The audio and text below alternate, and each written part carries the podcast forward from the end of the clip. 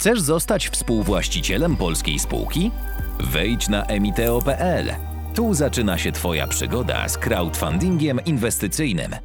Wow, takiej rozmowy to chyba jeszcze nie mieliśmy na Zaprojektuj swoje życie. Michał Kulka e, był gościem audycji, rozmawialiśmy o jego dość szalonej karierze i drodze, ale tak naprawdę zaprosiłem go dlatego, że Michał e, stwierdził, że potrzebuje miejsca, gdzie może wstawić swoją tokarkę. Michał od niedawna robi e, pióra, tak naprawdę lakieruje je starą japońską metodą. Opowie o tym bardzo dużo. Opowiemy najpierw o tym szalonym okresie jego częstej zmiany pracy, mniej więcej co 9 miesięcy czy co rok przez kilkanaście lat i jak to go zaprowadziło do przedsiębiorczości, e, pomocy w starcie kilku firm, jak również do tego, że e, Michał w tej chwili jest rzemieślnikiem i od niedawna z tego żyje. Niesamowita historia tej transformacji i odejścia od ekranu, i negocjacji, i rozpoczęcia pracy swoimi rękoma. Zapraszam Was bardzo serdecznie. Bardzo ciekawa rozmowa z nutą filozofii. Zaprojektuj swoje życie.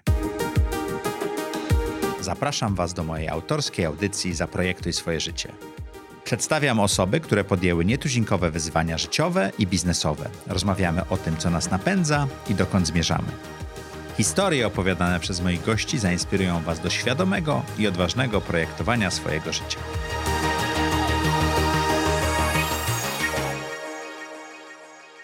Cześć, ja jestem Maciej Filipkowski, a to jest audycja Zaprojektuj swoje życie. Witamy Was bardzo serdecznie. Mam nadzieję, że nie jesteście tutaj pierwszy raz, ale gdybyście byli tutaj pierwszy raz, to koniecznie kliknijcie na ten magiczny guzik subskrybuj i dzwoneczek, jeżeli jesteście na YouTubie, jeżeli słuchacie nas w aplikacjach typu Apple Podcast, Google Podcast czy Spotify, to tam jest taki magiczny guzik obserwuj. W ten sposób będziecie mogli nas słuchać częściej i zobaczyć więcej naszych gości. Jeżeli chcielibyście wspierać produkcję audycji Zaprojektuj swoje życie, zbieramy kasę na to na Patronite. Zapraszamy na patronite.pl łamane przez ZTZ.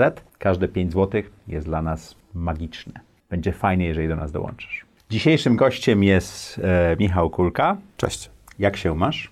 Doskonale. Dziś będziemy rozmawiali o projektowaniu Twojego życia, wow. ale e, powód, dla którego tu jesteś, to był ten post, kiedy mówiłeś, że Twoje hobby stało się chyba biznesem już, tak? No, biznesem to dużo powiedziane, ale coś, coś się A wydarzyło. Da się z tego żyć już? Zależy od stylu życia, ale tak, pewnie tak. Rozumiem. Jesteś rzemieślnikiem, artystą, po byciu, rzemieślnikiem. Po, po byciu biznesmenem i byciu e, również e, człowiekiem od e, zmian, marketingu i tworzenia nowych rzeczy w biznesach, tak? Tak, ale to nie jest nowa rzeczą. Nie? Jakby Bycie rzemieślnikiem nie jest nową tak, rzeczą? potrzeba odreagowania pracy, mhm. trochę, którą czasami zdarzało mi się w chwili kryzysu postrzegać jako przelewanie z pustego w próżne, to znaczy usługi, rozmowy, komputer, takie trochę wirtualne, mało namacalne, mało możliwe do dotknięcia rzeczy, czasami męczą, znaczy mnie męczyły. No, e, w I... pandemii wielu z nas siedzi w domu i właśnie robi takie rzeczy Tak, zgadza ekranem, się, przy czym tak? ja to miałem dużo wcześniej, tak? Były tematy, które za mną chodziły, kilkanaście, właściwie blisko 10 lat temu, jeden z nich mnie w końcu dopadł po, po 12 12 latach siedzenia z tyłu głowy i zbudowałem samochód od zera. Skończyłem kontrakt Stąd twoje wtedy... zdjęcie na Facebooku, w tak, którym mieścisz. Tak, tak, to zrobił mój przyjaciel, to zdjęcie, jak jadę mhm. gdzieś przez Warszawę swoim bolidem. Zbudowałem właściwie od, gołej, od, od, od gołych rurek metalowych i, i, profili, więc e, nie jest to nowa rzecz, że nagle dopada mnie, że coś, coś, chcę coś zrobić manualnie. Podobnie było teraz, e, ale trochę mnie poniosło. Trochę cię poniosło. To zostawimy to na drugą część rozmowy, bo jak zwykle chciałem się dowiedzieć, jak wyglądało do tej pory projektowanie twojego życia. Nie, nie wyglądało. Znaczy, trochę nie wierzę w takie projektowanie życia, prawdę mówiąc. W sensie ale ja na LinkedInie nie musiałem tam klikać za cztery razy, żeby się rozwinęło tak, wszystkie tak. rzeczy, które robiłeś. Ale tak? część usunąłem, żeby się nie było bałaganu aż takiego. Aha. Twoja znaczy, pierwsza, skonsolidowałem twoja niektóre pierwsza praca to? Moja pierwsza praca, taka na serio, to było w firmie szkoleniowej. E, na sięglanie poznaki nazywała Fundacją Rozwoju Rachunkowości w Polsce. A to były lata 90., tak? Tak. Fundacje były modne wtedy, bo tak, podatki tak, się... Tak, tak. I tam trafiłem jako student, który miał w wakacje wklepywać dane do bazy. Okej. Okay. E, ale że mam tendencję do podważania status quo, gdziekolwiek się nie pojawię, to bardzo szybko poprawiłem tą bazę, a następnie poprawiłem interfejs, co doprowadziło do zwolnienia moich trzech kolegów, którzy wklepywali ze mną dane, bo wklepywałem je 8 razy szybciej. To Ale przepisałeś bazę danych? nie, budowałem jej interfejs i Okej, zmodyfikowałem jej był Access, strukturę. czy to- to było Access, wtedy? tak, Access. Access 4 na Accessie. Przebudowałem interfejs, przebudowałem strukturę, okazało się, że to, co robiło 6 osób, da, dadzą radę robić dwie, albo trzy mogą robić więcej, więc dostałem te trzy osoby i zostałem kierownikiem działu. E, taka była śmieszna historia. Ale ktoś ci powiedział, żebyś tą bazę przebudował? Nie, wręcz byli zdziwieni, jak to zrobiłem. Ale tak, coś takiego Ale ciebie, wydarzyło. rozumiem, wkurzało to, jak robisz, tak? Tak, tak. To było strasznie nieefektywne, więc stwierdziłem, że poprawię. Zrobiłem to tak, żeby to było odwracalne oczywiście. W razie czego jakby się ktoś zorientował, że jednak chcą robić to po staremu, czyli wolniej, e, no to nie, to nie jest niezwykłe. To tak się bardzo często zdarza, Rozumiem. że ludzie wolą, żeby było tak, jak było, a nie Mhm. tak, jak może być lepiej, bo się boją tego po prostu. Tak wyglądało. Dostałeś Tam zostałem w tej fundacji nagrodę, dosyć to? długo, dwa i pół roku. Tak, Dwa i pół roku to jest długa praca dla Tak, ciebie. bardzo długo. To Tak ja z widziałem, moich że rekordów. twoja tak, średnia do 2013 Tak. roku to było tak trochę powyżej roku. Tak, tak, Tak, rok i dwa miesiące, rok i cztery miesiące to była średnia, tam 6 miesięcy, Tak. 9 miesięcy, To wynika z dwóch rzeczy. 18 miesięcy. bo jest jedna, jeden, jedna cecha, którą ja strasznie cenię, to się wiąże z jedną z moich prac zawodowych, czyli z pokerem e, Sporting Bet. E, Umiejętność mówienia pas i co najmniej dwie albo trzy z tych pozycji to było stosunkowo szybkie powiedzenie pas, stąd o- zaniżenie średniej, ale pozostałe były takie, że no okej, no czas na zmianę. O Wszystko, Sporting- o- wszystko już się O nauczyłem. Sporting Bank to na, nawet mam wyboldowane, chciałem pogadać, bo ja miałem rozmowę rekrutacyjną z nimi. Wiem. Na wysp... A skąd wiesz? Na wyspie Man, bo bodajże na wyspie Man, czy którejś z tych wysp na kanale e, poleciałem. Wiemy, sporo osób tam było na tych spotkaniach. Aha, aha. Oni robili bardzo dużą rekrutację Tak. i no, było śmiesznie. Wyciągnęli mnie Z niektórymi się minąłem na lotnisku. Chyba z Bratysławy mnie wtedy wyciągnęli, jeżeli dobrze pamiętam. Poleciałem, pogadałem i ten. Rozumiem.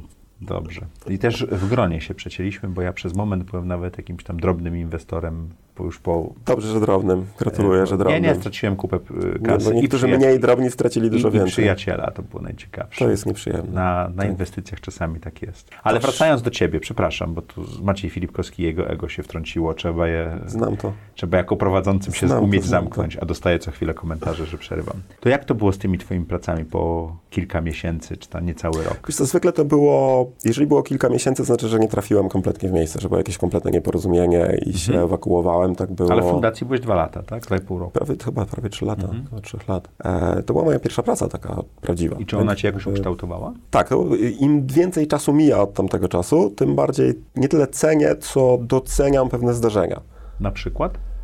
Jak można wychodzić z różnych błędnych struktur, z różnych takich y, pozornie zastałych procesów e, i że to wychodzenie wcale nie jest bolesne. Ja się tego nauczyłem tam.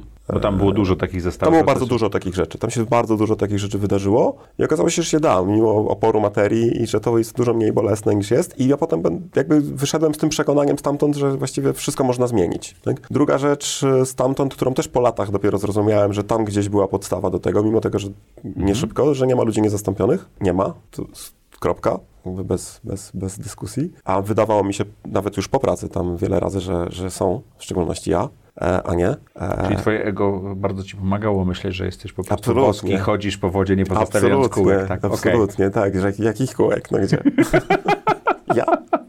Znaczy to ego pomaga. To jest coś, co bardzo często w rozmowach ze startupowcami, z którymi pewnie przegadałem ostatnie 7 lat bardzo dużo, mówię, że to jest idealna mieszanka, to jest, to jest takie właściwe proporcje pomiędzy arogancją a pokorą. Jak jest za dużo pokory, to nie mamy Tak, tego, tak. I musi być siły napędowej, żeby balans. to Znaczy, zrobić. tak? obydwie rzeczy muszą być, mimo tego, że są pozornie przeciwne. Obydwie muszą być, obydwie muszą być intensywne, ale w odpowiednim balansie i odpowiednio kontrolowane gdzieś na tej granicy, gdzie to się, gdzie to się odbywa. Ta pokora pozwala nam się uczyć, pozwala nam dostrzegać błędy, a arogancja pos- pozwala, wręcz zmusza nas do tego, żeby przełamywać e, bariery. Jak dużo miałeś arogancji w pierwszych latach O, swojej mnóstwo. kariery? Głównie, A pokory? głównie składałem się z arogancji. A pokory? Znacznie mniej. To tak, pokora przyszła z czasem.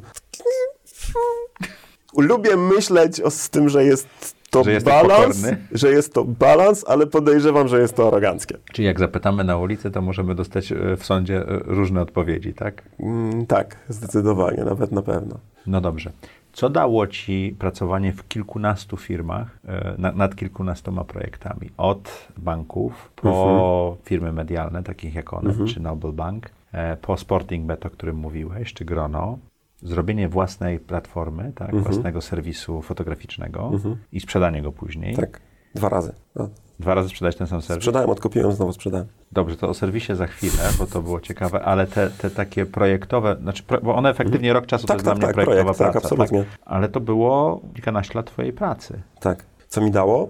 Ja z tego pitch zrobiłem. Znaczy swój elevator pitch e, nawet. E, z Czyli tego, co jak mi to dało. na e, rozmowę o pracę, to miałeś elevator Nie, już pitch? na rozmowę o pracę nie. Tam, Okej. tam zupełnie to była inna historia. Tam był inny pitch, też miałem bardzo fajny zresztą. E, ze startupami, e, to było ze startupami, z organizacjami, które dotyczyły, z- zajmowały się startupami. E, bardzo często wjeżdżałem tam na takiej historii. E, dobry, dobry elevator pitch jest historią, że słuchajcie, jakby ja znam to od każdej możliwej strony. Znam, wam, znam was teraz, kiedy dopiero zaczynacie, bo ja zaczynałem tego typu biznesy. Znam was, jak będziecie wychodzić za granicę, albo będziecie chcieli połączyć się z jakąś Bo firmą, byłem w tych bo też miejscach. to robiłem. Znam was od tej strony, kiedy będziecie chcieli rozmawiać z bankiem o finansowaniu lub z inwestorem o finansowaniu, bo byłem inwestorem i pracowałem w banku. Pracowałem w korporacji, pracowałem w fundacji, pracowałem w małej firmie, która bardzo szybko rosła. Pracowałem w dużej firmie, która bardzo szybko się skurczyła. Znam ten biznes od bardzo wielu różnych stron. Tak? To, taka historia. To było jakoś tam fajnie opakowane w słowa Okej. i Ale nie i znasz go super. dogłębnie, nie? Oczywiście, że nie. Absolutnie. Okej. Więc ja się lubię o sobie myśleć jako, oglądać Dr. House, taki serial, jakby on Mhm. opisuje w którymś, nie, nie raz, jakby na czym polega praca lekarza diagnosty. Że mamy lekarza rodzinnego, lekarza domowego, który musi mieć stosunkowo szeroką wiedzę medyczną, ale bardzo płytką. Mamy lekarza specjalistę, który ma stosunkowo wąską, znaczy bardzo wąską wiedzę. Ale bardzo głęboko. Ale bardzo głęboką. A lekarz diagnosta, który musi mieć i szeroką, i stosunkowo głęboką. To ja lubię tak o sobie myśleć. To znaczy, że nie jest to dogłębna, ale też nie ślizgam się po powierzchni, nie jest to tylko dotknięcie, tylko jednak wejście Mhm. trochę głębiej, ale bardzo szeroko. Lubię się uczyć. To jest chyba najważniejsza rzecz, która to mnie jest to, napędza. to, co cię napędza? absolutnie, absolutnie, bez najmniejszych wątpliwości napędzało mnie 25 lat temu, napędza To mnie jest moja teraz. główna wartość, to bardzo, bardzo fajnie. No. OnePhoto.net to Tak. był twój serwis. Projekt który- życia, tak? Projekt życia? Tak, tak, to myślę, że tak. To Jakby do tej pory To był wspominam, do tej pory- 99 rok, kiedy to odpaliłeś. Pierwszy startup założyłem w 99 roku. To się wtedy jeszcze nie nazywało startupy. Dotcomy to się wtedy nazywało i to nie było OnePhotoNet, to było po godzinach.pl, czyli zrobiłem takich gastronautów tylko 10 lat za wcześnie, kiedy nie było internautów Mhm. za wielu. Znaczy było ich Kilkunastu. pewnie wie, wie, więcej trochę niż ludzi, z którymi przeprowadziłeś wywiad, ale jednak niewiele więcej. Mhm. Były czasy, początki neostrady jakoś chyba, tak. Jeszcze większość ludzi, jeżeli używała przez internetu, in- była na dial-upie. się robiło na dial-up, tak? Tak, ale już była neostrada, więc zaczynały Mhm. się dzieci neostrady wtedy wykluwać powoli. I zrobiliśmy z moim przyjacielem i jednocześnie szwagrem w tej chwili, później został szwagrem, e, Krzysztofem, e, zrobiliśmy se serwis, który nazywał się pogodzinach.pl, czyli przewodnik po knajpach, restauracjach, kawiarniach, klubach, tego typu różnych miejscach, który bardzo szybko e, Krzysztof opracował metodę pozycjonowania. Nie było wtedy jeszcze czegoś takiego jak SEO. Pojęcie SEO powstało chyba dobre 6 lat później. Krzysztof e, zauważył, że jest coś takiego jak Google, którego wtedy prawie nikt nie używał, bo wszyscy wyszukiwaliśmy na search icm.edu.pl Albo Alta Vista. albo Alta Vista, albo tego typu jakieś katalogi. My już słuchaj, Google, to będzie to. Tak? I napisał engine, engine, który pozycjonował te nasze dziwne strony, który działał to tak do 2010 roku byliśmy na pierwszej pozycji, nic nie zmieniając w tym engine. Mhm. Jak się wpisywało do, dowolną knajpę w Warszawie, w Wrocławiu, w Krakowie, to, to lądowało się na po godzinach. E, pozbyliśmy się tego jakiś czas później, bo nie dało się na tym zarobić nijak, nie mieliśmy sensownego pomysłu, ale też w 1999 roku zrobiłem serwis OnePhotoNet, który wynikał z mojego zainteresowania fotografią z hobby właściwie, za bardzo intensywnego. Był taki moment, kiedy zorientowałem się, że nie będzie ze mnie fotografa. Nie mam talentu ani ja takiego oka Mhm. i Ale masz pasję. ale ta pasja nadal jest i nadal chcę być blisko tego. Na Usenecie, nie wiem, kojarzysz też Usenet? Tak. Na Usenecie była grupa PL Rec Photo, na której był wątek, gdzie dyskutowaliśmy o zdjęciach. Znaczy, trzeba było pokazać się swoje... zatrudniało, żeby cię Gofer, przy... tak, tak, Mam pokazywaliśmy... takiego t-shirta z Google'a Go for Go. Jesteśmy starzy. Mów za siebie. Dobra, spoko. Eee... Mm, Ja mam czteroletnie bliźnięta, to mnie odmładza. No, poka- no tak, można pokazać zdjęcie gdzieś i potem je dyskutowaliśmy o nim. Problem był taki, jak pokazać to zdjęcie. Znaczy, na Usenecie nie było Nie- nie- uploadu nie było plików. opcji. Nikt nie miał jakiejś strony internetowej, ani możliwości uploadu zdjęć. Nie było żadnych serwisów do uploadu zdjęć, więc ja zrobiłem coś takiego. Słuchajcie, wysyłajcie do mnie te zdjęcia mailem. Ja je umieszczę w takim ręcznie skonstruowanym, jakimś dziwnym, e, prostym HTML-u na stronie i zrobię tam engine, który pozwoli nam komentować. I tak zrobiłem. Nazwałem to galeria jednego zdjęcia.waw.pl. Taki był adres. Bardzo dobry. Super adres. Pozycjonuje Super, się świetnie. sam się pozycjonował. I o co się okazało? Postawiłem to na swoim serwerze w pracy, w Fundacji Rozwoju Rachunkowości. I rozumiem, że serwer padł. Stał pod moim biurkiem serwer. Czyli desktop. Tam to taki był mocny desktop, podłączony mocnym łączem. Mocnym łączem, czyli 128 kilobitów. Serio. Przepraszam Państwa, Dobra. czasami mamy gości, który, po których widać, że e, przeszli z technologią długo. Postawiłem tam ten serwisik i co się wydarzyło? Wywaliłem całą sieć w trzy dni. Znaczy, okazało się być potężne Fundacja padła, zainteresowanie. tak? Znaczy, nie, okazało się spore obciążenie, wielkie zainteresowanie. Dobra, Krzysiek, zostawmy to po godzinach, zróbmy ten serwis fotograficzny. Ale to jest ciekawe, bo przepraszam, w 99 roku nie było AWS-u, nie było chmury Google'a. Co ty, jak, no chciałeś gdzie? robić, jak chciałeś robić startup, to musiałeś kupić serwer Tak. i kupić dedykowane łącze. I historia, dedykowane tak, łącze, nie? no.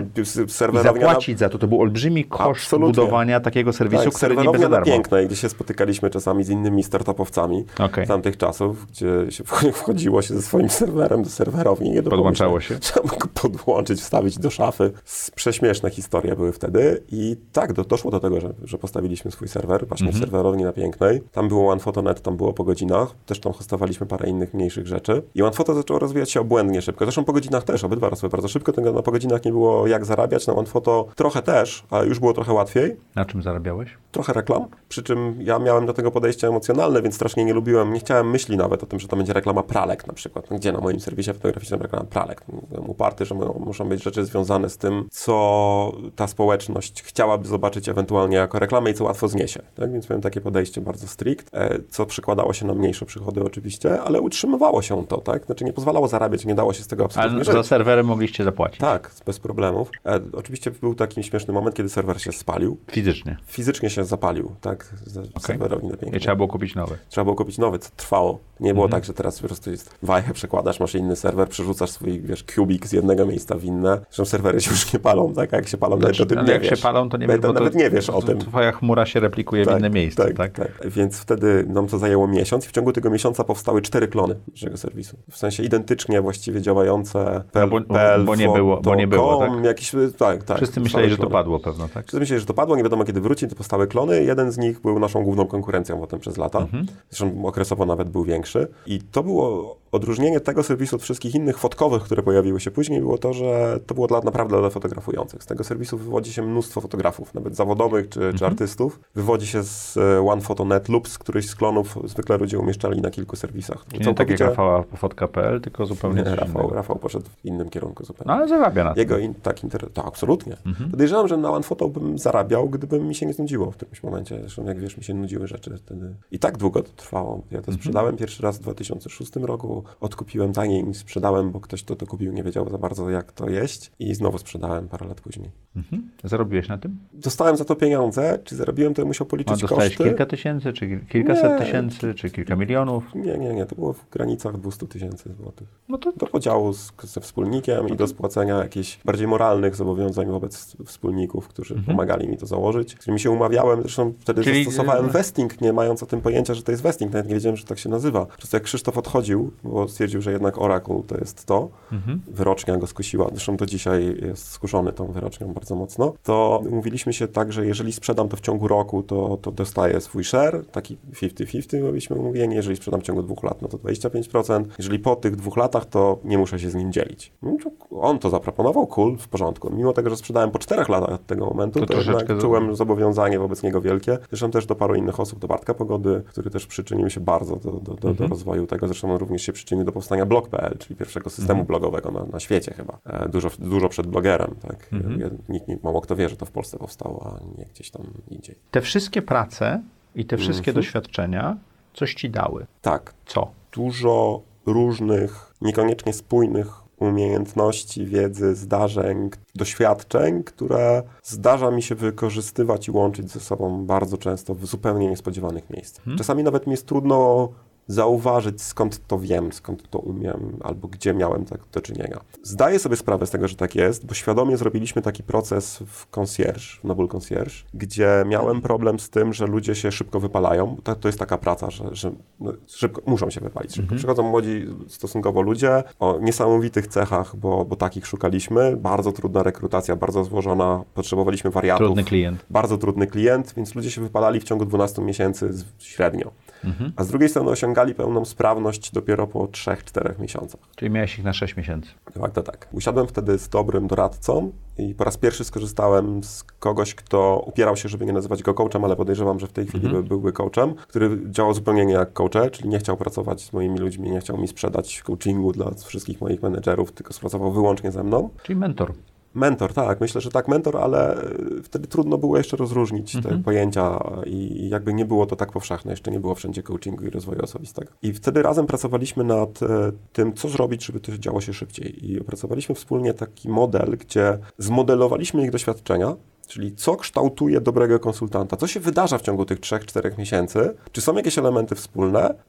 Zmodelowaliśmy te elementy wspólne, skompensowaliśmy do miesiąca i zaserwowaliśmy nowym ludziom I zadziałało. zadziałało idealnie. E, I ja myślę, że my jesteśmy takim konglomeratem zdarzeń. Bardzo, bardzo czasami, czasami pracujemy gdzieś 10 lat i nie wpływa to na nas tak bardzo jak dwumiesięczna przygoda na wakacjach na zmywaku, tak?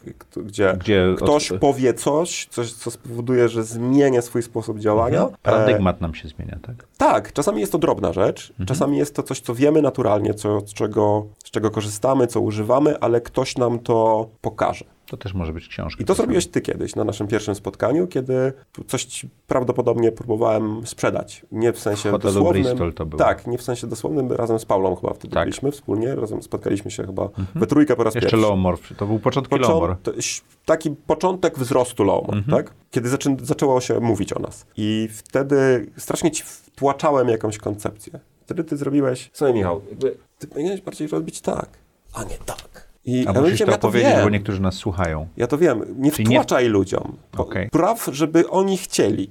Pokaż, skuś ich. Potem się dowiedziałem od Tomka Karwatki, że to się nazywa Challenger Sale, tak? Mhm. Do pewnego stopnia. Ale ja ci nie sprzedawałem żadnej rzeczy, ani firmy, ani... Ja ci sprzedawałem tylko koncepcję. Ale A byłeś, i tak to agre- robiłem w sposób agresywny. bardzo push, push, Byłeś push. e, tak? no, noblobankowy w tym. tak, myślę, że tak. Bardzo, bardzo noblobankowy. A ja, będąc w sprzedaży Uczulony. 20 parę lat, Byłeś- ja- tak. znam te techniki, Dokładnie tak. Ja to wiedziałem podświadomie, że tak to powinno być. Nikt, Mhm. mi tego, nikt mi nie zrobił nigdy w takiego, wiesz, Stop. rękę, stop. Wiesz, jak to zrobić, tylko po prostu tak zrób. Tak? No i to, to było Zadziałało? to działało. Tak. Pamiętam do tej pory to, tą rzecz, nie pamiętam pozostałych rzeczy, o których rozmawialiśmy w ogóle, ten element pamiętam. Bo to czasami jest ta, ta jedna rzecz na potrzebny zmywaku, co powiedziałeś, czy w Tak, restauracji, trigger. czy coś takiego. I to by się, nic by mi to nie dało bez tych doświadczeń, które miałem wcześniej i później, bo było po prostu jakąś tam anegdotą, a tak to Mogłeś coś się to wydarzyło. odnieść. Tak, mogłem to odnieść, mogłem to gdzieś A, a czy taki, osadzić czy w doświadczeniu. Był taki moment w tych e, próbach z różnymi firmami i, i z bankowością, i z mediami, i z różnymi innymi rzeczami, w którym e, z takiego project managera, marketing project managera stałeś się jakimś generalistą bardziej? Stałem się to dużo powiedziane, chciałem się stać i starałem się, tak? I zaczynałem być, to jest proces. Ale czy był taki moment? Był taki moment i to było chyba w okolicach Grona i spotkanie z Piotrem Wilamem, który był wtedy inwestorem w Gronie. Mhm. No mamy starał nadzieję się tam... gościć tu Piotra. Tak, koniecznie. To Mhm. będzie ciekawe spotkanie. On zaczął pisać bloga w tej chwili, więc... Tak? Tak, tak. O, to muszę zaposzukać. I ten blog będzie fascynujący. Tak jak będą to takie historie, jak były na ostatnim zjeździe mafii onetowej e, w Krakowie u Piotra, to będzie ciekawie. Tak. Mhm. Już już zapowiada się ciekawie, zalecam. E, koniecznie go zaprosić. Podlinkujemy. Tak. Wtedy mi Piotr zadał pytanie, właściwie, czy ty jesteś project manager, czy general manager? Tak? On ci zadał to analiz- pytanie. Tak, zadał mi Podobnie pytanie. jak z tym moim mówieniem o sprzedaży, tak? Tak, zadał mi to pytanie, pamiętam to do dzisiaj, tam mnie zarekomendowała Ania Wolfart, która zresztą zatrudniała mnie w Onecie. Z Piotrem pracowałem wcześniej w Onecie, znaczy bardziej z Tomkiem niż, niż Mhm. z Piotrem i z Arturem Waliszewskim i z Mariuszem Biedrzyckim. Też ludzie, którzy niesamowicie na mnie wpłynęli. I to pytanie też było, na długo, długo o nim myślałem. To nie długo, że trzy dni, tylko długo parę lat. Tak? Jakby przy każdej kolejnej zmianie pracy, przy wyzwaniach różnych, które się działy, przy pracy w concierge dopiero, czy coś, co było. Zrozumiałeś, że możesz obrać dwie różne ścieżki w pewnym Tak, sensie. i I, że- zacząłeś ją świadomie e, wybierać, tak? Czy projektować? Tak, przy czym nie do końca zgadzałem się z tym rozróżnieniem, które Piotr widział, jakby z niektórymi elementami tego rozróżnienia. Podział tak, general manager, project manager, ale nie ze wszystkimi cechami, które są po jednej i po drugiej stronie. Można być e, takim właśnie generalistą i zarządzać firmą w długim czasie, ale nadal mieć mindset project managera do pewnego stopnia w niektórych obszarach i to bardzo pomaga. I to doświadczenie project managera bardzo pomaga. A ja byłem klasycznym project managerem, wręcz człowiekiem do zadań specjalnych i z tego robiłem swój pitch no, w początkowym okresie, czyli CV poszatkowane jak co kawałek jakaś zmiana. Mówię, no tak, no jestem człowiekiem do zadań specjalnych. Ale no jakby, w pewnym sensie... ja mi się nie nadaje do budowy mostów, tak? pró- Próbuję tutaj do tytułu audycji trochę nawiązać. Czy to był ten, od tej rozmowy do Nober Concierge, to było takie świadome szukanie Nie. tego? Nie, myślę, To było że... testowanie. Tak, było nadal nauka. Nie mam poczucia, że projektowałem swoje życie. To jest tak, że ja projektowałem, że nawet nie projektowałem. Zbierałem doświadczenia, uczyłem się. Znowu ta nauka. Uczyłem się, uczyłem, uczyłem, uczyłem. Lubiłem robić fajne rzeczy, które mi sprawiają satysfakcję, jarać się. Lubiłem się jarać tym, co robię. Bardzo. Jeżeli się nie jarałem, to zmieniałem pracę. To co się stało w 2013 roku, że zmieniło ci się tempo tych zmian i zacząłeś robić te rzeczy? Lowmore się jarałem w- przez właściwie 6 lat. Okej. Po prostu. Ja się jarałem robieniem Lowmore przez parę lat. A czemu prawnik rob... nie, nie prawnik robi firmę prawniczą z To prawniczą? jest śmieszna historia, bo ja nie, ja nie jestem typowym przedsiębiorcą zakładającym swoją firmę. To znaczy, No bo- nigdy nie miałem parcia na to, żeby założyć firmę z dwóch powodów. Po pierwsze, lubię poczucie bezpieczeństwa, które, jak wiesz, daje praca w korporacjach y, lub w innych firmach y, całkiem niezłe. Zawsze miałem tak, że mnie wyciągali za uszy z jednej roboty do drugiej i dawali większy hajs. Fajnie, tak? Jakby dla młodego człowieka to o, super. Jestem taki super fajny, że po prostu tutaj zmieniam pracę. To jest, wchodzę oczko wyżej, oczko wyżej, oczko wyżej, oczko wyżej. I za każdym kilkanaście czy kilkadziesiąt procent więcej. Razy tak? dwa, tak? Czasami, A, tak? okej. Więc y, to też się tak zdarzyło. Zresztą takie czasy były trochę. Tak? Mhm. I to było fajne, więc nie miałem wystarczającej motywacji do tego, żeby robić swój biznes, bo za łatwo mi szło gdzie indziej. Kasa spływała sama. Tak. Y, Biznes wymaga, jednak uważam, że przedsiębiorcy nie biorą się tylko i wyłącznie z wizji zmiany świata i, i z tego, że, że mają jakiś pomysł w jakimś tam kierunku, tylko musi być jeszcze jakiś jeden dodatkowy trigger. Coś, co spowoduje, że chyba, że ktoś jest wychowany w kulturze bycia przedsiębiorcą i właściwie nie wyobraża swojego życia sobie inaczej. Mhm. No ale Tak, wychodząc z komunizmu nie był było nas tak dużo nie było nas tak dużo, tak, tak. Zresztą to była ciekawa sprawa, bo dzieci przedsiębiorców z okresu komunizmu bardzo często były przez rodziców pchnięte w kierunku bardzo dobrego wykształcenia, a to bardzo dobre, kompleksowe wykształcenie w tamtym czasie przeszkadzało w byciu przedsiębiorcą, bo o wiele łatwiej dawało drogę do kariery e, korporacyjnej i, i, i to takiej naprawdę błyskawicznej bardzo często w tamtych czasach. No, no, znamy obydwaj pewnie wielu kolegów, którzy byli dyrektorami sprzedaży w wielkich korpora- działach korporacji po dwóch latach od zakończenia studiów albo może rok. Tak, więc e, zresztą no, tak to wyglądało. Więc ja nie jestem typową osobą zakładającą swoją firmę, ale miałem To była okazję... stuwa, fura i komura, tak? To się tak nazywało. Trochę tak. No. Miałem okazję wiele razy być akuszerką biznesu, pomóc po, im powstać, albo prowadziłem je równolegle z pracą korporacyjną, czy, czy w jakiejś innej firmie. I wtedy prywatnie byliśmy pa, parą z Paulą i ona wymyśliła Longmore razem ze swoją przyjaciółką e, Olą. Wymyśliły to Longmore i Paula była gościem jednego z pierwszych Tak, odcinków tak, tak, audycji tak. i świetnie o tym opowiada, więc warto to też posłuchać. e, o tym nie opowiadała. Jak ro- rozpoczynało się? Tak, bo To opowiedz ty. chyba tak mi się wydaje przynajmniej. Okej? E, I e, one planowały i planowały, i planowały, i planowały. A ty już miałeś to I, doświadczenie i z planowały, ze i planowały. Ja Ale tak mogę długo mówić. Ale wiesz, To ja jestem, ja jestem cztery- mentorem wielu osób, Cztery które... miesiące oglądałem dwie kumate dziewczyny ze świetnym pomysłem, Mi zajęło pięć miesięcy, żeby zacząć audycję. To nie jest które planowały. Okej. I pamiętam do dzisiaj jakieś spotkanie kolejne w kuchni, gdzie kolejne kartki zapisane, kolejne pomysły, kolejna zmiana nazwy, która się wydarzyła. Zresztą widać po adresie strony fanpage'a e, Lowmore, który nadal ma stary swój adres. Z- zerknijcie sobie kiedyś, to zobaczycie. I one planowały, jak któregoś dnia powiedziałem, Paula, wiecie co, przestańcie do cholery planować. Idzie weekend, siądźmy w ten weekend, zróbmy stronę, zróbmy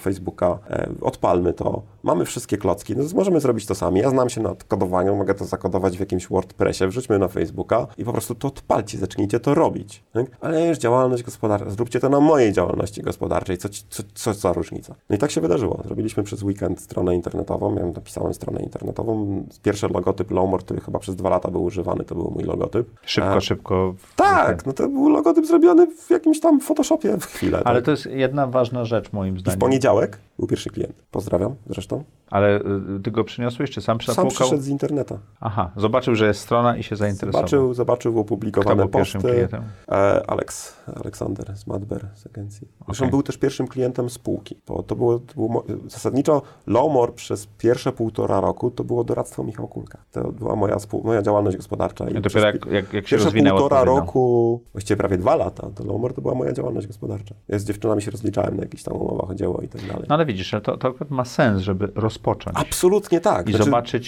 zacznij robić, zobaczyć zacznij, tak, z rynkiem, tak, bo jak tak. rynek cię zwaliduje, jak masz pierwszego klienta pierwszego dnia, to trafiasz dobrze. Tak. Jak przez trzy tygodnie nic ci nie wychodzi, to może trzeba ten pomysł Zmodyfikować. e, zmodyfikować. Tak, zacznij sprzedawać zanim masz, tak? To jakby samo test sprzedawania, umiejętność sprzedawania jest kluczowa tutaj. Ja trochę w życiu sprzedawałem i, i Myślę, jakby... że umiejętność sprzedawania jest najważniejszą umiejętnością, którą, którą powinni posiadać founderzy. Tak, absolutnie. Sprzedawania koncepcji, sprzedawania produktu. Muszą umieć kodować, jeżeli to jest Sprzedawania wizji swojego biznesu ludziom. Jakby to co chwila muszą coś sprzedawać. No chociażby zebranie pieniędzy to jest sprzedaż Też koncepcji. sprzedaż, absolutnie, tak. To jest sprzedaż. Dokładnie tak. Sprzedają firmę, sprzedają swój Czyli w biznes. pewnym sensie to się wydarzyło w kuchni. To się wydarzyło... Ta zmiana, że, były, to że, że przestałeś w być projektowo przez kilka, kilkanaście miesięcy, yy, spodobał ci się projekt. ja na początkowo nie, nie planowałem Jeszcze być pracowałeś w wtedy. wtedy pracowałem, jednocześnie byłem w PKO BP i byłem doradcą, zresztą za zgodą e, zarządu PKO BP, byłem doradcą w grupie OS3. Mhm. I to było moje drugie doświadczenie w życiu z inwestycjami, bo w OS3 odpowiadałem za zagospodarowanie i inwestycje środków, które pozyskanych od inwestora. Mhm. Wtedy od WS Investments i, i jakby weryfikowałem właśnie startupy do nas przychodziły i tak dalej. Takie różne dziwne rzeczy się działy. Nie będę opowiadał o tych spotkaniach, bo niektórzy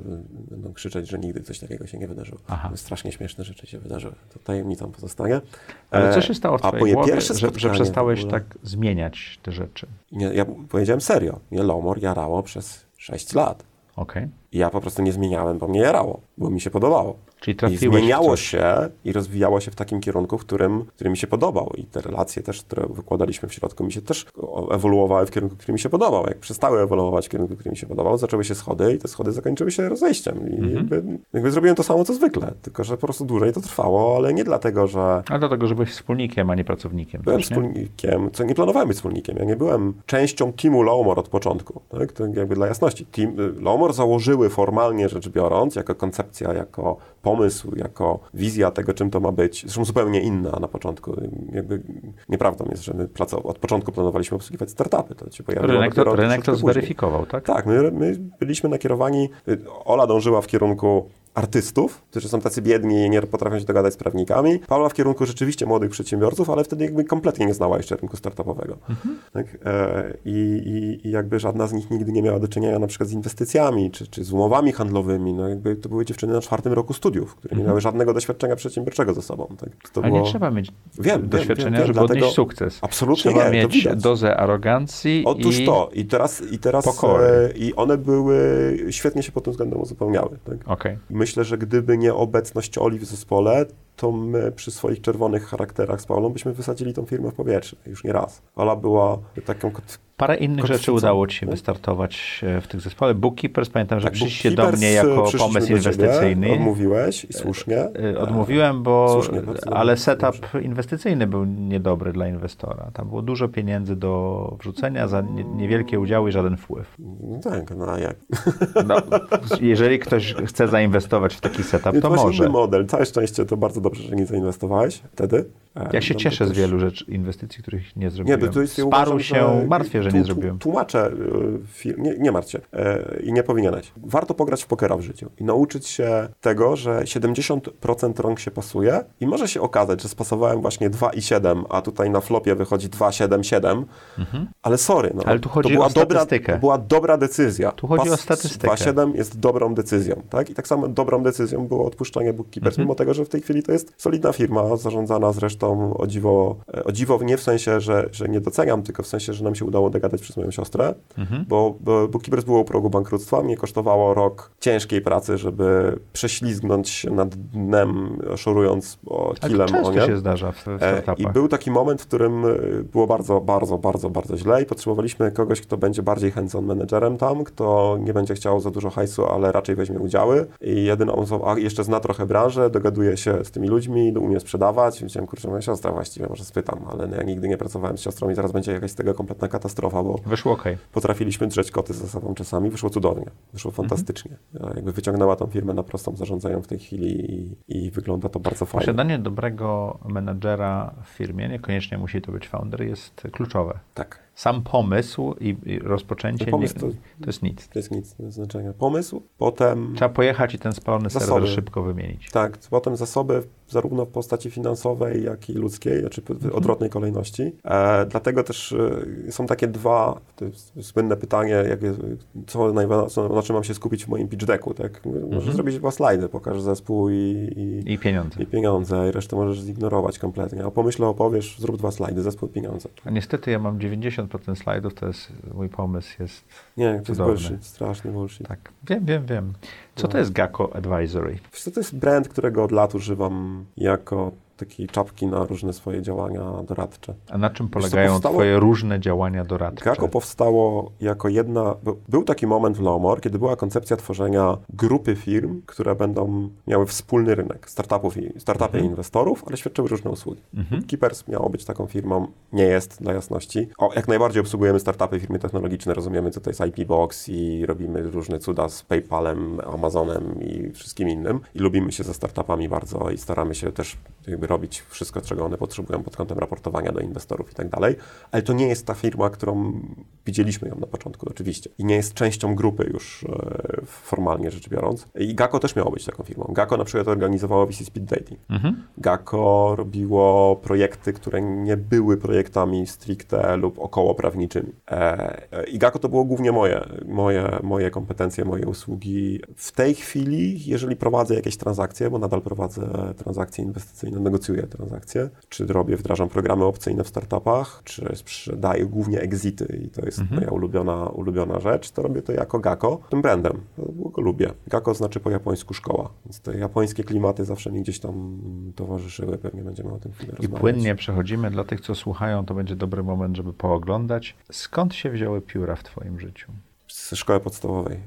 Tak serio, nie jest, naprawdę. Pierwszy raz Też piórem pisałem pisałem piórem. w szkole podstawowej. Hero 601 prawdopodobnie pisałeś tym samym. Klon Parkera. Chyba, że Ten, jakimś ten, cudem... to było enerdowskie takie To pióro. było tak? chińskie pióro. Nie, miałem jakieś enerdowskie, też nie pamiętam jak się nazywało. Ale chińskie też Też miałem. chińskie. One były klonami Parkera Tak. 51. Jak ktoś był bardzo bogaty wtedy, to miał pewnie Parkera 51, e, ale pewnie w Polsce to niewiele osób. Mhm. Jedno z najbardziej kultowych piór świata, produkowanej w największej ilości egzemplarzy, liczbie egzemplarzy. E, Nie kapało tak do bardzo. Nie, to tak było bardzo solidne pióro. Mhm. Do tej pory mam, mam kilka Parkerów 51 i cenię sobie je bardzo w dwóch różnych wersjach. I to było pierwsze spotkanie z piórem, potem przerwa. Na studiach kupiłem pióro trochę z próżności posiadania jakiegoś fajnego przedmiotu, odróżniania się od wszystkich innych. No, tak jak wszyscy chcą się odróżniać na studiach, to też postanowiłem się odróżniać. Kupiłem sobie pióro, pisałem piórem, okazało się, że piórem się robi szybciej notatki. Niż To było niesamowite odkrycie, że piórem Okej. się pisze znacznie szybciej. Mhm. Jeżeli ma dobrą Niekoniecznie stalówkę. ładniej, bo ja zawsze Jeżeli ma dobrą stalówkę. Oczywiście. Ja o stalówkach nie wiedziałem nic. Kupiłem pióro, które było zrobione dla Harley'a Davidsona i obrędowane Harley'em Davidsonem, więc ten mój Byłeś Metro cool. Head połączyłem. Byłem, cool. byłem po prostu super, miałem super pióro. Zresztą zgubiłem je potem po latach. Znaczy gdzieś w trakcie jednej przeprowadzek mi zginęło i odkupiłem dokładnie, dokładnie takie samo pióro. Identyczny model w tym samym kolorze, którego używałem na studiach niedawno. Gdzieś z rok temu odkupiłem takie pióro, żeby mieć. Nie piszę nim. Piszę paskudnie. Źle, źle się pisze tym piórem. Za ciężkie i w ogóle. Ale wtedy było genialne. Tak, wtedy było super. Potem znowu przerwa bardzo długa, znowu pisanie długopisem i w...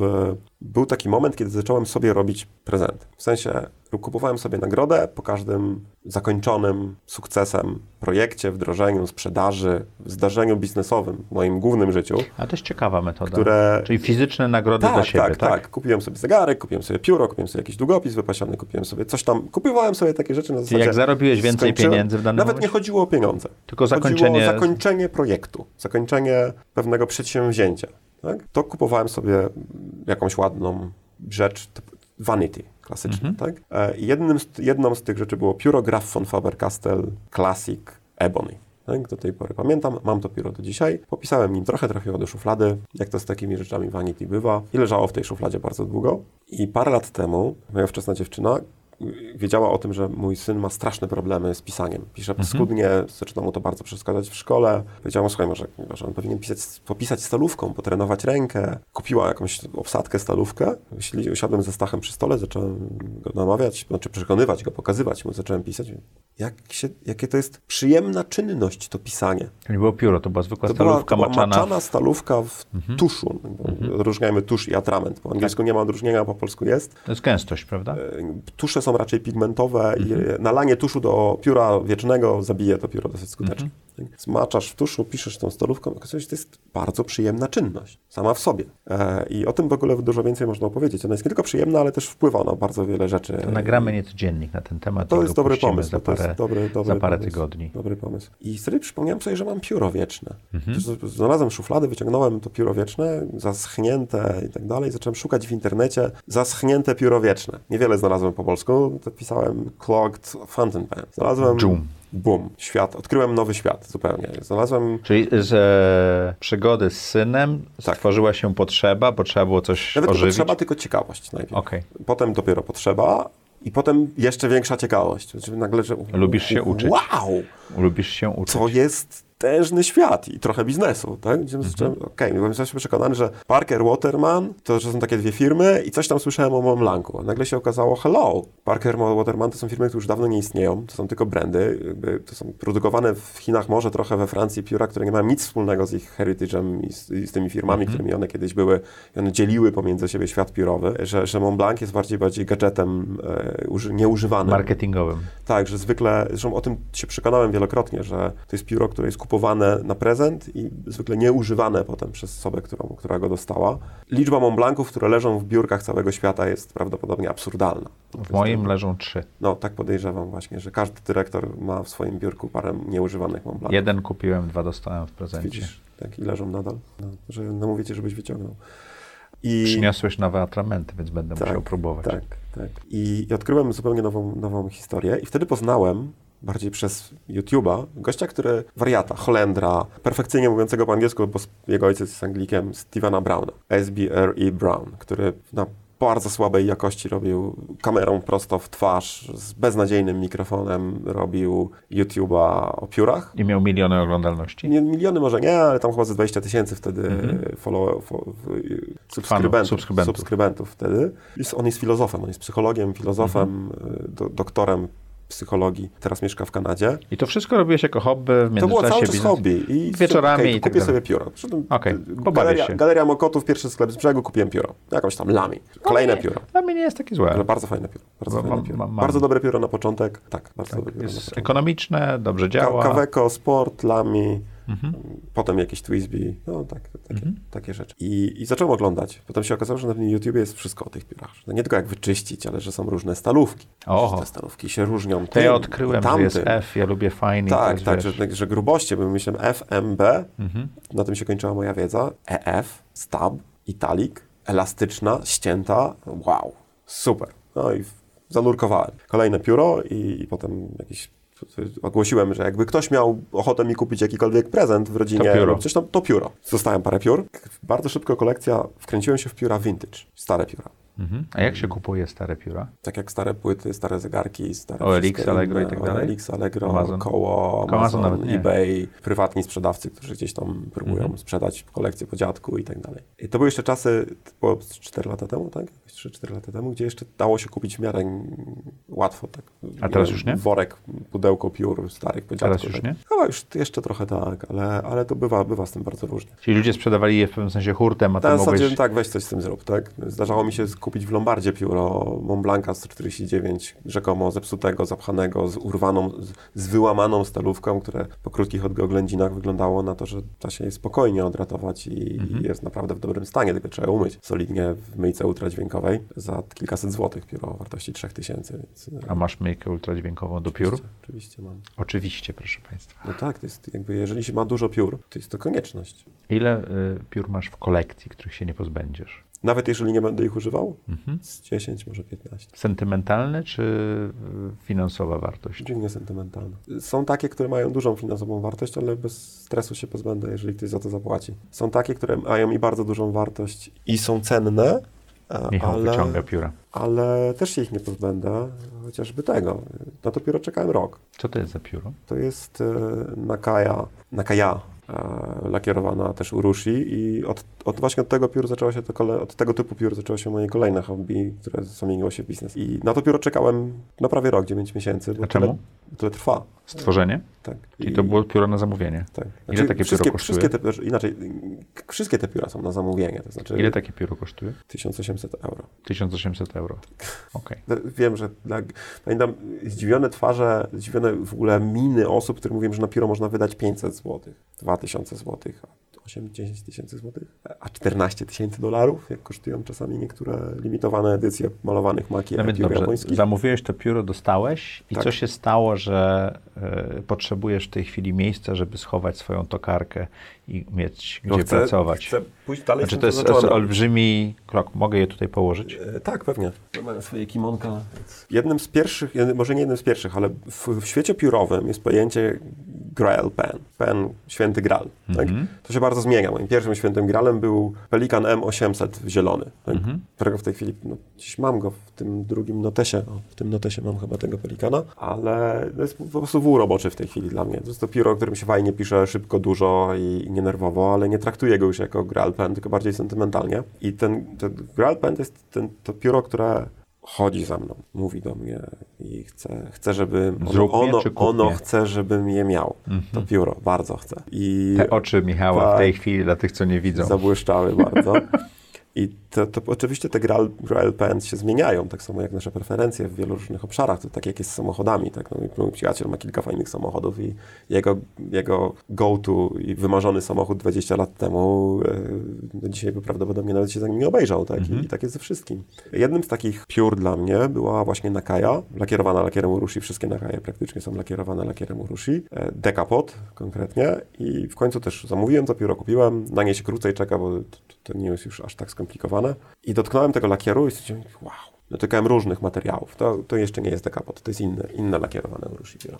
E, dotknąłem tego materiału i stwierdziłem, wow, to jest coś zupełnie innego, tak? To jest niesamowite. Ono się może stoczyć. I zacząłem kminić. Czy to w ogóle możliwe jest, żebym Zaczął to robić. zaczął to robić. Znaczy, czy w ogóle to jest, czy ktoś to robi? Najpierw było pytanie. Kto to robi? Jak to No, no, robi? Zacząłem się interesować, jak to Bo to jest- powstaje, skąd się to, To jest bierze. rzemieślnicza praca, to nie jest maszynowa praca. Nie, ręcznie. To E, jest nakładanie warstw. e, tak, najpierw w ogóle byłem ciekawy, jak powstaje pióro. Jak powstaje takie pióro? Jak powstaje takie pióro? Znalazłem filmy o tym, jak powstaje takie pióro i one mają taki przeskok. Jest pokazane kawałek ebonitu, jest pokazana taka japońska stara tradycyjna tokarka, jak powstają części tego pióra, jak powstaje gwint tego I pióra. nagle gotowe pióro. A potem jest pyk, przeskok i są gotowe polakierowane elementy. I ten, to miejsce, które mnie najbardziej interesowało, jak z kawałka zwulkanizowanej gumy, bo ebonit to jest silnie zwulkanizowana guma. e, Kauczukowa. Kau, kauczuk, silnie zwulkanizowany kauczuk. E, jeden z, jedno z pierwszych tworzyw sztucznych używanych przez człowieka. No, jak kazeina, e, właśnie ebonit i i co jeszcze? I pewnie celuloid, czyli octan, e, nie octan, tylko nitroceluloza z e, terpentyną. E, To były pierwsze tworzywa sztuczne, z jakich korzystaliśmy. Zresztą z celuloidu do, do dosyć Filmy. długo. Tak, tak, tak. Klisze filmowe, piłeczki ping-pongowe i pióra wieczne. Ten element, który mnie najbardziej interesował, czyli jak z tego czarnego, szaro-burego ebonitu y, matowego powstaje coś takiego, błyszczące, idealnie To gładkie. nie było nigdzie pokazane? Zacząłem tego szukać i stwierdziłem, no, na YouTubie jest wszystko, prawda? A tego nie ma. Wszystko. Wszystko jest na YouTubie. Jak, jak operować serce, jak zbudować samochód, jak przybudować silnik w dowolnym samochodzie, jak zrobić miecz, katanę japońsą, jak Czyli wykuć podkowę i podkuć konia. Twoja jest chęć wszystko. uczenia się spowodowała, że znalazłeś dziurę w YouTubie. Znalazłem dziurę w YouTube. Nie mogę uwierzyć, że jest, że nie mogę uwierzyć. Ale na pewno może po japońsku było.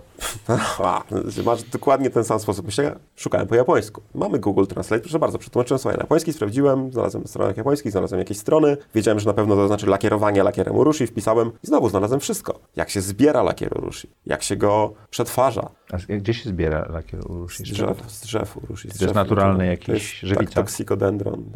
Z grupy, takiej samej grupy, co Poison Ivy, albo Poison Oak. Mieszkałeś w Stanach, więc akurat tam rośnie Miałem Poison Ivy. pięknie Poparzone- poparzone nogi. Tak. Urushi w Poison Ivy, w soku Poison Ivy jest 5 do 7% urushiol, tego czynnika, który uczula. W lakierze urushi jest go 80%. On się Czyli składa. ty, ty, ty Jestem robisz pióra z toksyn. Jestem, tak, robię pióra z silnej toksyny wywołującej bardzo silną reakcję alergiczną, zwaną Urushiol Induced dermal, de, Dermatitis. Coś Okej. takiego. To jest strasznie silna reakcja. U 20% ludzi prowadzi do otwartych ran na skórze. Ja jestem w tej szczęśliwej grupie, która jest odporna całkowicie. Nie mam żadnej reakcji na Urushi. Żadnej. Czyli jakbym cię pomiział Poison Ivy, to byś nic nie miał. E, Dowiedziałem się o tym przez ja przypadek, bo przez pierwsze nogi. lata pracy z Urushi, nie lata, miesiące pracy z Urushi, używałem rękawiczek, zabezpieczeń, wszystko myłem, para, pełna paranoja i któregoś dnia przez przypadek dotknąłem pędzlem z Urushi nosa i nie poczułem tego.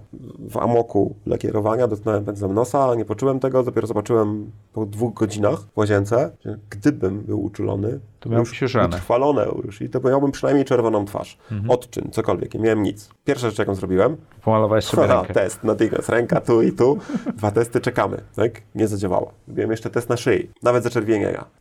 Nie cierpię pracować w rękawiczkach takich, e, nie cierpię, to, strasznie ogranicza czucie. Odkryłeś dziurę w YouTubie i postanowiłeś Tak, ją zapełnić? Postanowiłem ją zapełnić. E, No najpierw musiałem się czegoś nauczyć, żeby pokazywać innym ludziom, jak to robić, ale stwierdziłem, że jeszcze ciekawsze będzie, jak będę pokazywał, jak się uczę. Więc jak oglądam te swoje filmy, to ja się na nich uczę. Czyli Jak po- Niektóre, po- Ja pokazuję na tych filmach czasami, jak robię coś po raz pierwszy. Po raz pierwszy na przykład robię nanakonuri, taką technikę z, za pomocą ziarenek z rzepaku i taki film się spodobał i ludzie go chcieli oglądać. I, Ile osób cię ogląda w tej chwili? Wiesz co, To to, jest nie jest nisza. jakaś oglądalność, to jest nisza niż. Ja mam tam 1100 subskrybentów e, po, Okej. po, po 9 czy 10 miesiącach. My mamy 7 tysięcy, także to nie jest aż taka nisza. Czym ja od 4 miesięcy nie wrzuciłem filmu. Okej. E, Przestałem w którymś momencie wrzucać, bo, Bo? e, bo się za bardzo wkręciłem w robienie piór. Po prostu stwierdziłem, że ustawianie kamery i wszystko mi rozprasza, ale zaczynam, wracam do tego, bo znalazłem miejsce na pracownię. Bo bardzo mnie irytowało to, że muszę rozkładać i składać sprzęt za każdym razem. A tak to możesz mieć A tak to jak masz rozstawiony go i on sobie działa i... I zrobić miejsce pracy i dobrze oświetlone pracy z kamerami. oświetlone I po prostu siadam i stwierdzam, ok, to dzisiaj Karta włączam kamery i ten. e, i, i wręcz, wręcz prosto na dysk, tak? Mhm. I, I mogę sobie pracować, a potem zastanowię się, czy z tym materiałem coś zrobię, czy nie. To to jest było moje marzenie i jak to wymyśliłem, to przestałem mieć serce do przekładania tych kamer i, i, i przestałem To kręcić kiedy będziesz filmy. miał studio? No mam nadzieję, że pod koniec miesiąca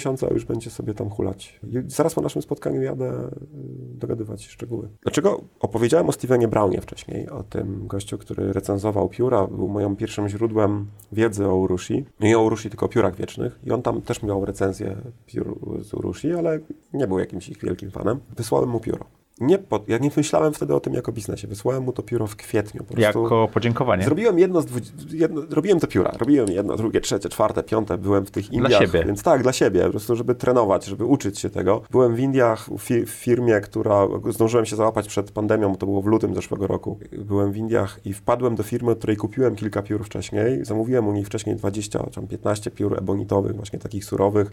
Jak już jestem w tych Indiach, to mogę odebrać je osobiście. Potem za chwilę się zorientowałem, że po drugiej stronie kraju to jest naprawdę daleko. Więc poleciałem tam samolotem na dwa dni i spędziłem cały dzień u nich. Taka rodzinna, maleńka firemka. Byli zaskoczeni? Wiedzieli, że wpadnę, bo się zapowiedziałem, ale potraktowali mnie po królewsku, o ile można tak to uznać, ale jadł, spędziłem z nimi cały dzień, od śniadania do, do kolacji, więc jadłem z nimi na podłodze i obejrzałem cały proces robienia tych piór. Robią pióra dokładnie tą samą metodą, co oglądałem na tych filmach na Kai, czyli Co- co- ręczna, co robisz? ręczna tokarka. Nie, nie, ja nie robię jeszcze piór, to za chwilę do tego dojdziemy. Okej. I oni robili pióra, które były idealną bazą, czyli oni robili tą część do powstania korpusu pióra, czyli do tego momentu mniej więcej. Czyli to jest szare, to jest- proste pióro tak, szare, bez ozdób. tak, to jest pióro surowe, to jest czyste ebony. Słuchajcie, zrobimy całą sesję zdjęciową, tak. więc ci, co słuchają, będą mogli wpaść na naszą stronę, pooglądać. Tak, i To jak... są trzy części tak naprawdę. Tak. E, Ale może, może być bardzo różnie. No, ale jest miejsce na stalówkę, Tak, stalówkę, miejsce na, na e, konwerter na lub konwerter nabój lub jakiś inny system napełniania i kap, i zatyczka. zatyczka, czy zakrętka, czy skówka. I to jest podstawa ebonitowa, tak? Tak, to wytoczona, ebonitu. wytoczona, na wytoczona na tokarce z ebonitu. Tak. I oni to robią. I ty to kupujesz. Ja kupuję to w tej chwili od jednego producenta, czy, czy właściwie rzemieślnika w Indiach,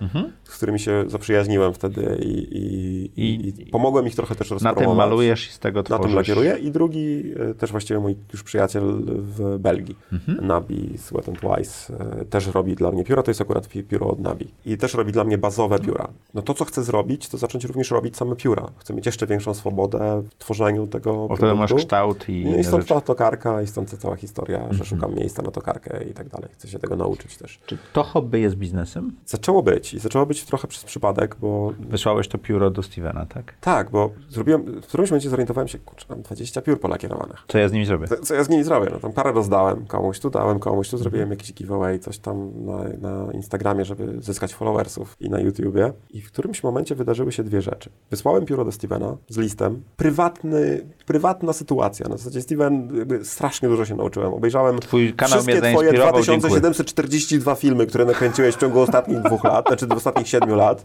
On też ma świetny cykl filmów o, o stoicyzmie, tak? I, i, i, I zresztą też ciekawe Filozof. Filozof. Ma przedziwne poczucie humoru, nieznośne dla większości osób. Skrzyżowanie poczucia humoru japońskiego z brytyjskim. Nie, absolutnie nieznośne. Ojej, Masakra. no. Masakra. I jest jeszcze cały czas filozofem. Mhm. Bardzo źle. Ale uwielbiam te, to poczucie humoru, uwielbiam gościa. I napisałem do niego, słuchaj, gościu, jakby zrobiłeś mi mnóstwo radości. I chciałem ci się odwdzięczyć. Chciałem tak? Cię oddzięczyć, masz tutaj, jestem początkującym Urushimanem, proszę bardzo, tu pióro, wiem, że takie lubisz, wielkie, grube, ciężkie pióro z grubą stalową, proszę, have fun. E, Dostał to pióro, zadzwonił do mnie i mówi, słuchaj, ja chcę zrobić recenzję tego pióra, bardzo Ci dziękuję, ja chcę zrobić recenzję. Ja mówię, ale Ci nie wysłałem tego po to, żeby zrobić recenzję, bo ja nie, nie produkuję piór, nie jestem producentem, żeby zrobić recenzję. Mm, Ale i tak zrobię. Ale tylko pytanie, czy się zgadzasz, żebym ją opublikował? Mm, No dobra, no to okej.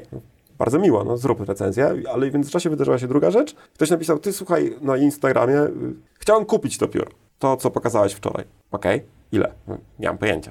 Za ile mogę je sprzedać? No to, stwierdziłem, okej, no dobra. Ale to trzeba zapytać, kupują- trzeba zapytać tak też, kupującego. Tak też zrobiłem, tak też zrobiłem. Ry- Dosyć rynek szybko- zweryfikuje. Dosyć szybko ustaliliśmy cenę, która w tej chwili byłaby dla mnie pewnie śmieszna. No to nie ma znaczenia. E, i, I sprzedałem jakieś pióro. Byłem na weekendzie chyba wtedy. Kurczę, sprzedałem pióro. Paragon wystawiłeś to wszystko, zrobiłeś i tak dalej? Czy to już na razie była wolna amerykanka? Totalna wolna amerykanka. Nas nie słuchają urzędnicy To, skarbowi. totalna, totalna wolna amerykanka. Chyba. Wiesz co, ja dużo kupiłem piór używanych i, i dużo ich też sprzedałem. Więc to było dla mnie jakby na zasadzie Hobby. takiej, że cały czas w mojej, w mojej kolekcji te pióra Hobby. rotują, tak? I nie zamierzam, nie, nie rozliczam i nie zamierzam rozliczać podatku od, y, od, Od tego, hobby. że rotują pióra w mojej kolekcji. Większość z nich mam pewnie ponad 6 miesięcy, ale niektóre pewnie nie. Jak wpada mi pióro, którego nie podoba mi się, no to sprzedaję dalej. Zwykle ze stratą, ale, ale jednak. Sprzedałem to pióro, ktoś mi Ale nie zapłacił. prowadzisz księgowości, nie zastanawiasz się, ile pieniędzy. Teraz już, teraz już to prowadzę. Okej, E, ale teraz wtedy to było Teraz już to prowadzę, to bo troszeczkę to jak trochę opowiadać, się, opowiadać slow mo. Trzeba zacząć. Trzeba zacząć. E, I zacząłem przez przypadek i to, to był weekend i stwierdziłem, kurczę, sprzedałem pióro. Wow, sprzedałem pióro. I Dobra, ale przecież mam tych piór więcej. To może Za ile sprzedałeś pierwsze pióro? 200 euro. Okej. Za ile sprzedajesz teraz pióra? Od 400 do 1400. Nie może sprzedam więcej piór, skoro sprzedałem pióro. Mam tego, leży mi tego kupa. No to wrzuciłem jakiegoś posta, że tam up for grabs, proszę bardzo, ktoś chce takie pióro, to ja chętnie sprzedam. Sprzedały się w weekend. Wszystkie. 20 piór. Nie, nie, tam pięć, które wystawiłem. Okej. Pozostałe były jakieś tam treningowe i tak dalej, nie chciałem ich sprzedawać. Pięć piór, sprzedały się w weekend, w jeden weekend, puch, poszły. A jak ta recenzja Stevena? Ona już poszła wtedy? Jeszcze nie.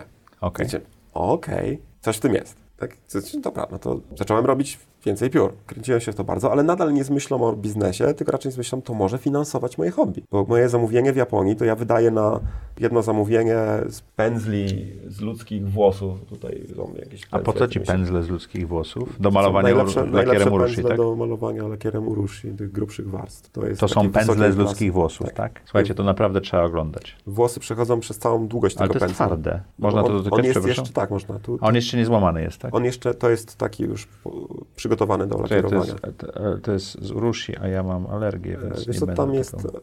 olej rzepakowy, bo czyszcza je. Ale rzeczywiście, Okej. lepiej tego drugiego nie dotykaj Mhm. czubka. To słusznie, słuszna uwaga. Pamiętam moje rany z Poison Ivy. To lepiej, lepiej nie. lepiej nie. E, I takie pędzle są dosyć drogą To zabawką. ile przy czym wynosi zamówienie w Japonii na tego No, typu rzeczy? Od 50 do 200 tysięcy jenów, czyli tak gdzieś między 2 czy 8 tysięcy złotych, jak muszę zamówić jakieś, jakieś lakier. I jak często to dodatki. Różnie, no bo już mam, już mam jakieś wypracowane Ścieżki. ścieżki. i- Czyli w Indiach zamawiasz... W Indiach i e, w Belgii zamawiam pióra, a pióra? wszystkie A pozostałe stalówki rzeczy... gdzie zamawiasz? Stalówki produkuje do większości piór na świecie, produkują tylko dwie firmy.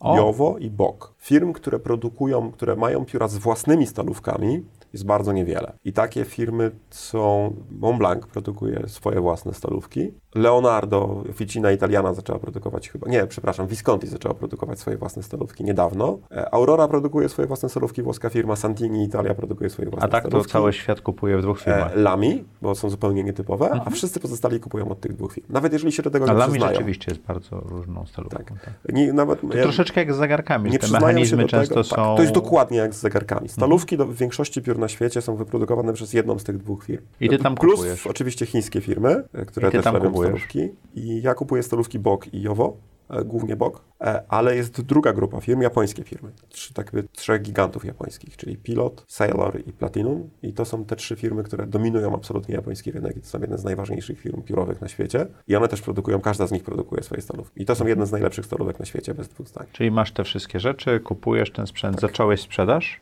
Na razie Tak, hobbystycznie. sprzedawać hobbystycznie, na zasadzie tam... Kiedy to było, rok temu? Czasu. To było, pierwsze pióro sprzedałem w kwietniu, nie, w maju, w maju 2020 Okej. roku. Twój filozof Holender zrobił e, I wideo Filozof i Holender się opublikował stało? wideo w lipcu, jak byłem na wakacjach. I Twoja skrzynka tak, mailowa Hell, eksplodowała. Hell opened loose i po prostu otworzył, otworzył Czyli nagle y, wiadro. miecie posiadanie znajomego influencera pomaga.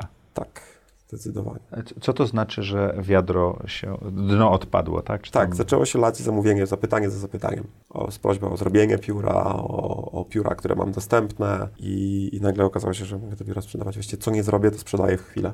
Najdłużej to ten, nie wiem, z tydzień może jakieś pióro podejrzało, może dwa. A ile piór robisz y, Bardzo miesięcznie? różnie. Czasami 5, czasami 10. Okej. I rekord to stwierdziłem, że no okej, przed świętami to trzeba trochę przycisnąć, bo to pewnie będzie okazja, więc Ale w to komercyjnie na to W spojrzałeś. październiku spojrzałem na to komercyjnie i w październiku rozpocząłem pracę nad 15 piórami, które stopniowo pewnie kolejne w listopadzie i w listopadzie i w grudniu skończyłem pewnie z 20 piór. Ile się robi pióro? Lakieruję, bo robi pewnie szybko, szybciej znacznie. W Przepraszam, ile się- toczy. Lakieruję od, tak, od 4 tygodni no, do roku, dwóch, tak? Jak, tak, tak jak ja Rok robię, to do czasu? 3 miesięcy. Tak? Czyli Po trzy prostu miesiące od najdłużej. momentu, kiedy jest ta ebonitowa Tak, e, podstawa, do momentu, kiedy jest To jest bardzo prosta obiekt. technika, to jest tak zwana technika Tamenuri. To od tego do tego to jest miesiąc. No niecały. ile można to jest warstw? Szacuję, że pewnie z 20. 20 warstw Włącznie lakieru. z, włącznie z warstwami tymi polerskimi ostatnimi, czyli z Uwazuri. Więc Generalnie A ten kształt ebonitowe, wynika z tego kształtu, czy ty też nadajesz kształt lakierujący? Zwykle kształt wynika z kształtu pióra, ale to Okej. pióro jest wyjątkiem. Gdzie te dwa finy, Są z lakieru. fin, one są z lakieru i węgla, i pyłu z węgla drzewnego. Więc one to jest warstwowo nakładane, kolejne warstwy lakieru, proszek z węgla drzewnego, kolejna utwardzane, kolejna warstwa lakieru, proszek z węgla drzewnego Jak się utwardzane. utwardza ten lakier? wilgocią. To jest lakier, który polimeryzuje, nie będę wchodził w chemię, ale, ale tak polimeryzuje pod wpływem tlenu i wilgoci w powietrzu. I wody.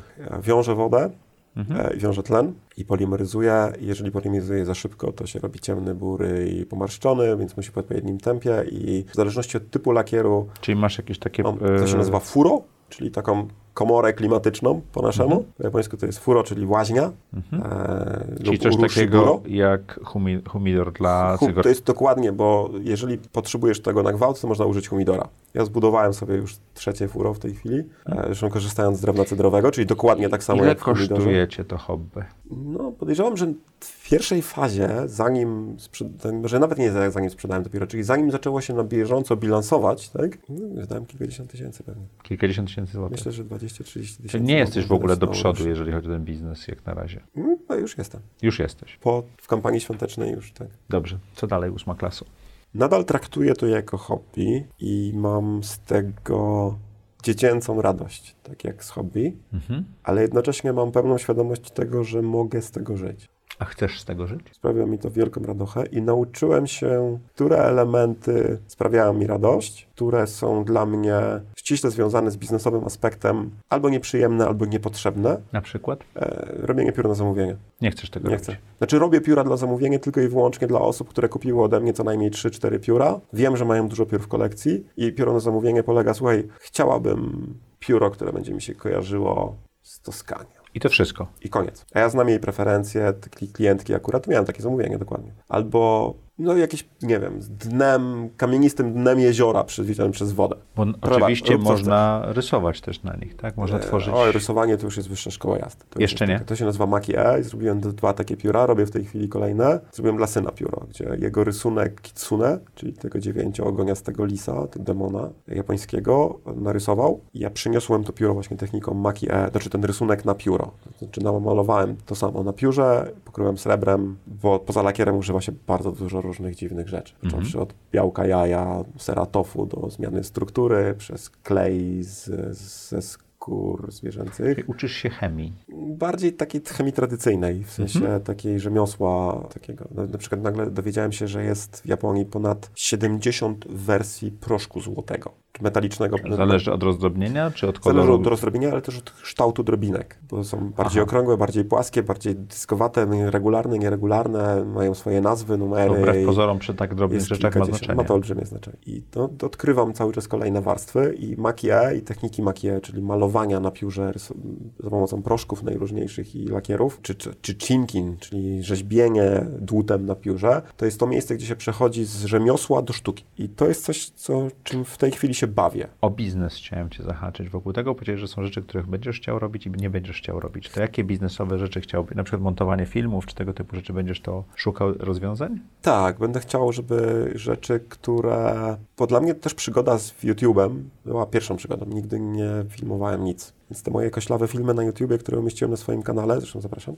Podlinkujemy. e, które umieściłem na kanale, to była totalna amatorka. I ja to robiłem learning by doing. Tak? Nie masz tysiąc fanów. Miałem, miałem aparat fotograficzny, bo całe życie fotografuję, one photo i tak dalej, e, które dzisiaj aparaty kręcą filmy, więc okazało, okej, okay, kręci filmy, miałem iPhone'a, więc okej, no iPhone z góry pokazuje, co robię, aparat z przodu pokazuje, co gadam, a potem to trzeba zmontować w iMovie, a, a że mam też pakiet Adobe, to potem zacząłem się uczyć. Ale to zajmuje czas. to zajmuje I wtedy czas. nie można robić pióra. Nie można robić pióra, dokładnie. Jednocześnie odbył się drugi proces w moim życiu, z, razem z tymi piórami, kiedy też trochę, pod, może nie pod wpływem, ale impulsy pochodziły z niektórych wywiadów, które były u ciebie, bo, bo chyba przyznam się, że na początku oglądałem je częściej, teraz tylko wtedy, kiedy jest ktoś, kto mnie naprawdę interesuje. Mhm.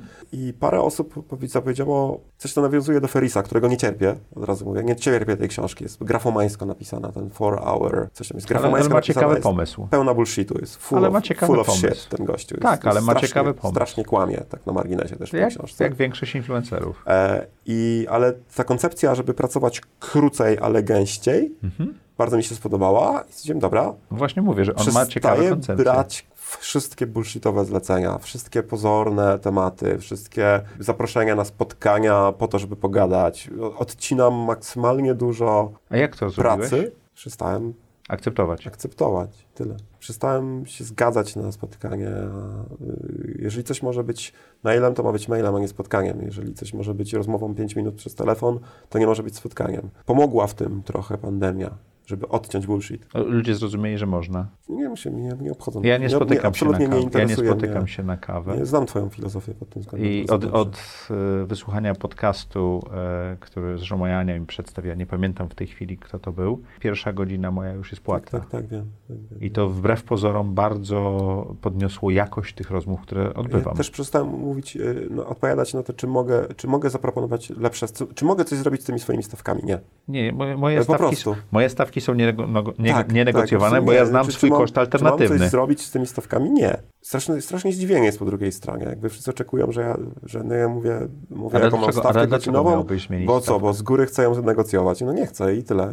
Ale, No, wolę, nie, wolę nie pracować ale to wtedy. jest twój koszt alternatywny, tak? Dokładnie. Możesz, Wolę nie pracować tych pióra. dwóch godzin, niż pracować za daną stawkę. Mhm. Też jakby wydarzyło się sporo rzeczy. Potraciłem parę kontraktów przez pandemię, takich właśnie negocjacji, jakichś tam sprzedaży spółki i tak dalej, e, co też nauczyło mnie, To że bez też. tego, tak, odbiło się finansowo, ale że mogę bez tego świetnie funkcjonować. Wziąłem udział w jakichś dwóch długich, bardzo skomplikowanych projektach finansowanych przez PARP, coś tam, Unię, bla, bla, bla i nie chcę za bardzo się w to pakować. To znaczy utwierdziłem się w przekonaniu, że jak najdalej od państwowych, publicznych i unijnych pieniędzy, choćby to było bardzo opłacalne. Bo one są skomplikowane. Demoralizujące, skom... nie, nie, nie, po prostu nie chcę o tym nawet gadać. Znaczy zawsze krytykowałem to i zawsze narzekałem na fundusze, które są na tym oparte i tak dalej, ale, ale teraz jeszcze dotknąłem tego bardziej tak do, bezpośrednio i nie chcę. I okazuje się, że to mi sprawia jej wielką przyjemność i wiem, w odróżnieniu od większości innych rzemieślników, mam background biznesowy. Wiem, jak sprzedawać swoje pióra i się idealnie sprzedają niedostępnością, która jest absolutnie naturalna.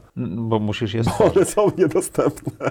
Mhm. Ich jest Ale mało. nie planujesz Nie planuję, nie tworzę jakichś... 20 pracowników. Adam, Adam... A czy będziesz miał kiedyś czeladnika? Nie wiem. Nie, jesteś jeszcze mistrzem chyba, tak? Nie jestem mistrzem, więc nie wiem, nie, na razie tego nie planuję, być może. to jest, to jest, moi rodzice byli przez moment nawet rzemieślnikami i ja bym, działali to by fajne. w izbie rzemieślniczej i ja zrozumiałem ten, ten taki Model. mechanizm, nie? Mistrz, czeladnik tak. i tak dalej. Tak. To kiedyś był sposób tak. edukacji tak. i przekazywania I to jest świetny sposób. Tej. Nie było YouTube'a. Tak działa. Nie było YouTube'a, tak? tak? W Japonii to działa tak do dzisiaj i to tak hmm. funkcjonuje, cały ten biznes, cały ten No dobrze, ale jeżeli zrobisz coś niesamowitego, to może warto y, pomyśleć Mam wiele pytań o warsztaty, które są niemożliwe ze względu na pandemię w tej chwili.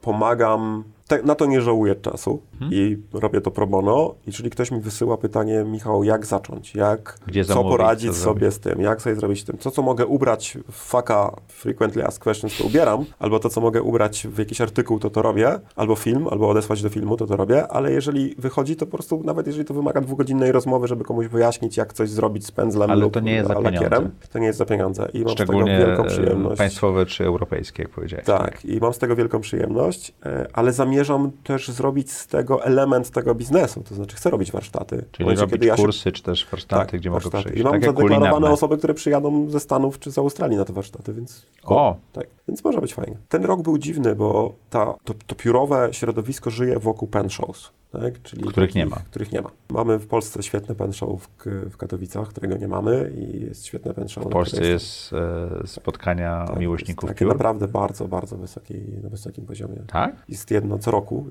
Czyli jest cały świat, który, który ja nie wiedziałem, że istnieje, Jest w tak? Europie jest kilka, kilka, jeśli nie kilkanaście takich kluczowych. To są zawsze raz w roku zwykle i jedno najważniejsze nazywane takim super pen show jest e, w Waszyngtonie. E, I zamierzam się też wybrać, jak tylko to się wszystko uspokoi, właśnie z piórami. Mhm. E, ale też poznać ludzi, bo mimo pandemii poznałem najwięcej zupełnie nowych, zupełnie innych ludzi w ciągu tego zdalnie. roku, zdalnie. A może dzięki pandemii? Trochę też, może, może, może chyba jednak tutaj mimo. Okay. Bo udało nam się z paroma osobami spotkać fizycznie w tym oknie, które było i, i właśnie też wokół, wokół piór, głównie Urushi. I właściwie towarzystwo przy stole to była Japonia, Stany Zjednoczone, Niemcy, Włochy jedna osoba z Polski. A ile sprzedajesz piór za granicę procentowo? 99%. Okay. Może przesadziłem, bo nie sprzedałem 100 piór, żeby to liczyć w ten sposób. Ale tak, zdecydowaną większość. Mhm. Te pióra są od Nowej Zelandii, no tak, w Nowej Zelandii to najdalej, Filipiny. Ile idzie pióro do Nowej Zelandii? Niestety najdłużej, bo mają bardzo ostre przepisy dotyczące kwarantanny. Czyli to pióro jeszcze tam czeka. Kwarantannę. Pióro przeszło kwarantannę w, w, na odcinku Hawaja, Australia mhm. i drugi raz kolejną na odcinku Australia, Nowa Zelandia. Okay. E, zwykle do, do Hongkongu na przykład, gdzie moich piór jest 10 w tej chwili, 4 dni, 3-4 dni. Niesamowicie Kurierzy działają super. super. Tak, tak, to, to, dzięki temu ten wirus tak, tak szybko się rozprzestrzenił. FedEx, też. FedEx, przepraszam za reklamę, ale akurat korzystam głównie z FedExa i UPS-u, ale, ale tak. W jakim momencie życia czujesz, że teraz jesteś? Jak zawsze przełomowym.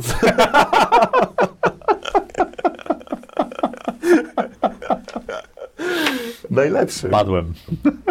Ja, ja, czy ja poczucie, że wow, Czyli teraz właśnie zaczyna się... Czyli nic się nie zmieniło. Ja mam sobie strasznego dzieciaka i ja mam zawsze poczucie, że wow, Michał jeszcze nie był tak uchachany właśnie, dla tych, słuchają. E, właśnie jest, właśnie się zaczyna coś super. Ja miałem takie poczucie, no 40 razy przez te 45 lat, tak już pomijając dzieciństwo. Czyli to nie jest jakiś wybitnie y, przełomowy moment, to jest po prostu przełomowy Kolejny moment. przełomowy moment. Lubię postrzegać to jako stan. Strasznie się cieszyłem z tym Urushi, jak zobaczyłem, że to jest tak strasznie skomplikowane. Bo jest dużo do nauczenia. Bo jest strasznie dużo do nauczenia, jest spora szansa, że bardzo długo nie osiągnę tego, co się wydarzyło z samochodem. Czy jest szansa, że zajmie ci to z dekadę? Jest szansa, że mi to zajmie z dekadę. To jest super i być może odkryję jakieś nowe rzeczy, bo mam już plan na kolejny. Mhm. Jak, bo za dekadę będę miał 55 lat, więc to będzie taki moment, kiedy będę pewnie chciał mieć już dom, nie mieszkać w Warszawie, tylko poza, to będę miał kuźnię, będę miecze. E... Słuchajcie, to już chyba będzie w następnym odcinku. Ale nie, serio, chcę robić miecze e, i będę robił miecze. Tak, będę robił miecze. Rzadko nie wiem, jakie pytanie zadać, to jest ten moment. Co, ale a propos... Czy nasuwa mi się pytanie po co, ale nie będę, bo to Nie chyba nie o to, nie, zupełnie nie o to chodzi. Tak, rozumiem. No chyba nie, nie, nie, nie masz sensu doszukiwać się sensu w niektórych rzeczach. Miałem świetną przygodę ostatnio, czy przygodę, e, anegdotkę. Zadzwonił, napisał do mnie jakiś influencer prowadzący podcast, który zaproponował mi wywiad, dokładnie tak samo jak ty. Mówił, słuchaj, bo robię taki wywiad, taki podcast, Mnie ta tokarka zaintrygowała. za chwilkę. Dla ludzi, którzy... O, o efektywności. Ty tak, ty patrzyłem na twoją karierę i w ogóle, że właśnie dla ludzi, dla młodych ludzi, że efektywność tutaj... Wiesz co, ale ja nie jestem dobrą osobą, żeby rozmawiać o efektywności. O, fe, o efektywności spoko, ale o efektywności nie jestem. Super nieefektywny. Ja się robię mnóstwo rzeczy naraz, rozpraszam się, porzucam projekty, bywam w ciągłym niedoczasie, albo jestem totalnie leniwy. Ścieżka w ogóle nie jestem jest mistrzem prosta. prokrastynacji, a z drugiej strony potrafię się zachorować na śmierć, jeżeli coś mi podoba. Jakby totalnie nieefektywne. Ja mogę powiedzieć, że nie być efektywnym i mieć z tego fan. E, nie, powiedział, że to by było szokujące i bardzo fajne, ale jednak nie. nie, nie skorzystał z okazji. Czyli w Zaprojektuj swoje życie więcej się mieści, tak? Zdecydowanie więcej się mieści, bo jakby miałeś gości najróżniejszych i, No jest- niekoniecznie z kultem efektywności, czy z kultem Sukcesu. sprawności, czy sukcesu. sukcesu. Tak. I ja chcę być szczęśliwy i, i to mi daje mnóstwo szczęścia. Jeżeli mamy jeszcze otoczenie, które to w jakiś sposób wspiera i nie ma zgrzytów w tym moim dążeniu do szczęścia, do tego, żeby to też nie powodowało jakiejś misery u innych, to, to super. Celem audycji jest pokazanie różnorodności osób i ich przedsiębiorczości. Więc chyba to, to jest przedsiębiorcze to, co robisz. Jest tu pasja, ale zacząłeś na tym zarabiać. Tak? Tak. To, jest, to, jest, to, to jest to przedsiębiorczość. Odkryłem mnóstwo biznesów. Ja jestem wielkim fanem rzemiosła. Olbrzymim. To znaczy, I byłem zawsze. mnóstwo biznesów dzięki ja temu, zacząłeś to robić. rzemiosło trochę przez Vanity, bo pracując w Nobel Banku, Nobel Concierge, do czynienia z bardzo bogatymi ludźmi i, i miałem sporo kasy, więc wydawałem je na drogie przedmioty. Tak? I to były właśnie, nie wiem, buty szyte na miarę, garnitury szyte na miarę, jakieś inne, inne rzeczy robione przez rzemieślników. Już poznałem właśnie Maćka Kielmana i, i jego biznes i nakupiłem od niego mnóstwo butów. Rękawiczki szyte na miarę, jakieś tam inne tego typu rzeczy, ale nabrałem wielkiego szacunku dla właśnie tego procesu mistrz-uczeń, dlatego, że te firmy są, istnieją bardzo długo. Zawsze mi się podobała z noży, są najróżniejsze piękne noże na świecie, ale firma Opinel na mnie robiła to wrażenie, że te noże nie są tylko piękne, ale że ta firma istnieje 200 lat i że cały czas jest w rękach tej samej rodziny i że robią je tradycyjnymi metodami. I, i, I to mi się strasznie podobało. I to, że teraz mam okazję to robić, radocha, niesamowita radocha. Najstarsza firma jest w Japonii, tak? Jest to hotel. Tak? Nie pamiętam w tej chwili, nie chciałbym skłamać, to jest wiedziałem. 700 albo 900 lat i mają bardzo określone zasady dziedziczenia na przykład, że przejmuje e, najstarszy syn, chyba że się Tak. zrzeknie na, na, na osobę kolejną. i A tam się reszta- czasami długo czeka na a, sukcesję. a tam, ale cała reszta musi w tym momencie Jest taki- wyjść, odsunąć się i pójść po, w, w inne branże. W inne Jest branże. taki film Jiroshi o sushi, o, Mhm. o najlepszej Niesamowity sushi i o najdłużej czekającym na dostał, sukcesję. e, Chyba tylko książę Karol czekał dłużej na sukcesję niż on. Chociaż nie wiem. Tak, on dostał E, gwiazdkę Michelina. Tak. Trzy. Znaczy, chodzi mi, chodziło mi o to, że trzy, tak. E, Słuchaj, jest ten moment w audycji, kiedy przechodzimy do tych kilku standardowych. e, Ja ich nie pamiętam, ale pytań. spoko, jestem przygotowany albo nie. Zawsze jestem przygotowany. Czy możesz opisać najlepszą decyzję, którą podjąłeś w swoim życiu? Wiesz, to, to, to jest tak z tymi piórami. To znaczy, y, moja opinia o najlepszej decyzji to osta- ostatnia najlepsza decyzja, to żeby zająć się Urushi. E, to z takiego obszaru. Mam jedną w głowie y, najlepszą decyzję, która okazała się najlepsza, ale nie chcę o niej mówić. Okej, prywatna, Sorry. rozumiem. Jakaś. E, pośrednio, prywatno-biznesowa. Czasami nie wiemy, że decyzja jest dobra. Czasami podejmujemy jakąś decyzję trochę intuicyjnie, albo nawet wbrew intuicji, a potem okazuje się być dobra. Ja myślę, że to nie jest... y, Miles Davis ma mistrz improwizacji. Ja uważam, że nasze życie jest improwizacją. Absolutnie, tak? I teraz różnica Czyli pomiędzy... zapomnij o projektowaniu. Tak, tak, absolutnie. I, ale umiejętności tego, kto improwizuje, są super istotne, bo Miles Davis mówił, że nie ma fałszywej nuty. Nie ma czegoś takiego jak fałszywa nuta. Jak, tak samo jak nie ma złej decyzji. Istotne jest, jaką nutę zagramy po niej i jakie kolejne zagramy, żeby ta, która była fałszywa, przestała być fałszywa. I to było jego podejście do muzyki. Jeżeli w ten sam sposób spojrzymy na życie, to dokładnie tak jest. To znaczy, jeżeli coś koncertowo spieprzymy, albo wydarzy się coś bardzo negatywnego, to super istotne jest to, właściwie jedynie istotne jest to, co zrobimy potem. Bo możemy podjąć głupią decyzję, możemy zmarnować okazję, możemy spotkać nas zdarzenie losowe, które jest negatywne, ale tak naprawdę wszystko, ne- negatywne zdarzenie i porażka może okazać się lekcją, jakieś zdarzenie losowe może okazać się być okazją, ale to wszystko zależy od tego, co zrobimy potem. Jakie nuty zagramy zaraz potem. Okej, Tyle. Więc trudno mi mówić o najlepszych decyzjach. Zwykle ta ostatnia najlepsza była najlepsza. dobrze. Biorę Milesa Davisa, bardzo mi się to podoba. Proszę bardzo. Co daje ci najwięcej energii czy satysfakcji Uczenie się, to bez dwóch zdań. Mówiłeś o tym, tak. Tak. Czyli to jest... Kilka razy. I do tego, ja bywam kompulsywny, tak jak widać. To, jest, to, są, to są moje atramenty. To są atramenty, tak? Tak, to są próbniki moich atramentów, ale... Twoich. Moich, to są moich atramentów, to są te, które mam. I Czyli kupiłeś białe, z jednej strony, białe kartki Z jednej strony bywam, bo to jest istotne, z jednej strony bywam kompulsywny, to znaczy po prostu po tam dwóch czy trzech latach hobby potrafię skończyć ze 130 atramentami, z czego 6 czarnych. Głupie, prawda?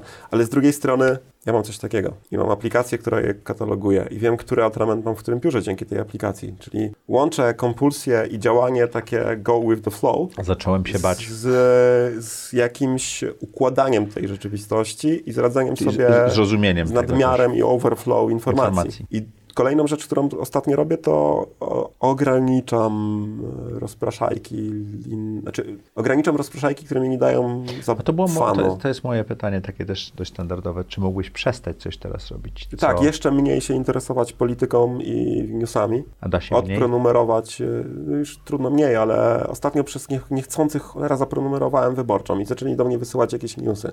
Chciałem, chciałem czytać niektóre rzeczy, które mi podsyłają znajomi, więc musiałem zaprenumerować. Jak zaprenumerowałem, to nieopatrznie pewnie coś kliknąłem, że do mnie coś wysyłają i to jest strasznie przygnębiające, to, co tam jest. To, są same negatywne informacje, więc chyba Z tego odprenumeruję. żyje prasa. Wiem, niestety. E, to jest przyczyną depresji, więc odprenumeruję. Lubię nie to, że chcę się pławić w dobrych informacjach, no ale niech będzie jakiś balans. Lubię rozpraszajki, na przykład kolejną rozpraszajką jest takie rzeczy komplementarne, no strasznie mi się podobały te kimona, które robi na Kaja na pióra. Stwierdziłem, okej, no dlaczego nie robić swoich? Więc stwierdziłem, że zacząłem robić kimona i to jest po raz pierwszy od 34 lat usiadłem do maszyny do szycia. i- Sam uszyłeś kimono? tak, i drugiego dnia uszyłem takie kimono. Coś tam pamiętam jeszcze. E, Jak moi rodzice mieli firmę krawiecką. Są lekarzami, ale przez chwilę byli prywaciarzami w dawnych, dobrych czasach. I, e, I mieli firmę krawiecką, więc coś tam pamiętałem. No i zrobiłem kimono i pewnie będę je robił od czasu do czasu do swoich piór. Szczególnie do swoich piór. Ty jesteś taki y, testujący, prawda? Tak, ja ciągle coś przestaję robić. Tak, to podziwiam. Znaczy, umiejętność mówienia pas jest tak, dla mnie jest strasznie ważna w życiu. Przestawać robić rzeczy.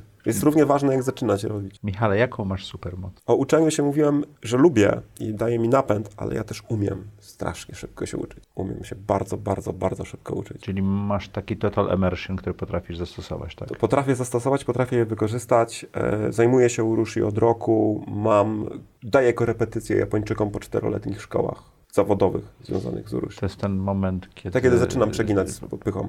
Ale mam, mam takich, mam osoby, którym doradzam, które się ze mną konsultują. Okej. E, I to umiem się strasznie szybko uczyć i wykorzystuję to w życiu, ale moja supermoc tak naprawdę chyba się często objawia i w negocjacjach, i w różnych rozmowach. Umiem rozmawiać z ludźmi o, z bardzo różnych bajek, z bardzo różnych światów. Umiem rozmawiać, jak mi zależy oczywiście, e, rozmawiać z artystą, rozmawiać z- Przedsiębiorcą, z, przedsiębiorcą, bankierem. rozmawiać z bankierem, rozmawiać z e, takim polskim przedsiębiorcą typu dom, dom weselny, farmy wiatrowe, fermy kurze, oportunistą, ale lubię też rozmawiać. Umiem, po prostu umiem rozmawiać, zawsze umiałem. Od dziecka umiałem rozmawiać z ludźmi w różnym wieku, z różnych światów, z różnych bajek i sprawia mi to przyjemność, dobrze się czuję i nie, nie jest to dla mnie manipulacja, tylko bardziej to, że dopasowuję się do rozmówcy. Trzy rzeczy, które chciałbyś robić za trzy lata. Czy, czy, czy masz taką listę, czy nie? E, No to już wiesz, chcę mieć kuźnię, Okej. ale za trzy to może I nie robić zdążę, miecze. ale może, może, może już będę miał jakąś kuźnię, to na Okej. pewno. To jest y, olbrzymia różnica między delikatnością i detalem pióra i... y, No jest, jakbym ci wyliczył wszystkie przysłowia, które zawierają zarówno w sobie pióro, jak i miecz, to jest ich ze 40 we wszystkich kulturach świata. Okej. Pen is mightier than the sword, bla, bla, bla. Jest mnóstwo takich rzeczy. Jakby mają Pióro dużo związku ze sobą. Poza tym, powiedz mi, że to ci się nie kojarzy z budową katany. Na pewno bym chciał to robić. Chcę pojechać jak naj... Chcę, chciałbym spędzić jako czeladnik co najmniej miesiąc w Japonii w, warszta- w dobrym domu Urushi A trzecie? mieć w tym całym moim pogoni za różnymi rzeczami i ze swoim szczęściem czas dla syna, jak najwięcej. To jest od Okej. paru lat dla mnie dużo ważniejsze niż było Ile pewnie kiedyś. teraz? 15. To I to jest czas. ostatni okres, kiedy on będzie miał dla mnie czas, Mhm. więc jeszcze chcę mieć jak najwięcej w ciągu tych trzech czasu dla niego. Żeby wykorzystać czas, kiedy on ma dla mnie, bo podejrzewam, że za jakiś czas on będzie wolał wiele innych rzeczy, tak jak ja, a niekoniecznie czas ze mną. A wtedy mi go zacznie brakować, więc chcę naładować baterię. Co chciałbyś, żeby nasi widzowie i słuchacze zapamiętali z tej rozmowy? E, Że wszystko jest możliwe. I to wszystko. Serio. Tak, Wszystko bo jest możliwe. e, słuchajcie, je- jeżeli e, ja jestem gościem, który większość życia miał pracę, skończył SG, większość życia pracował jako najemnik konsultant w różnych kwestiach, który miał za zadanie albo kierować ludźmi, albo wymądrzać się, albo udawać, że umie kierować ludźmi, albo coś podobnego i jakieś tam podejmować wirtualne decyzje, a jestem w stanie robić coś, co uchodzi za jeden z trudniejszych, jedno z trudniejszych rzemiosł na świecie i robić to na tyle dobrze, że ludzie z całego świata, włącznie z Japonią, chcą kupować to, co robię.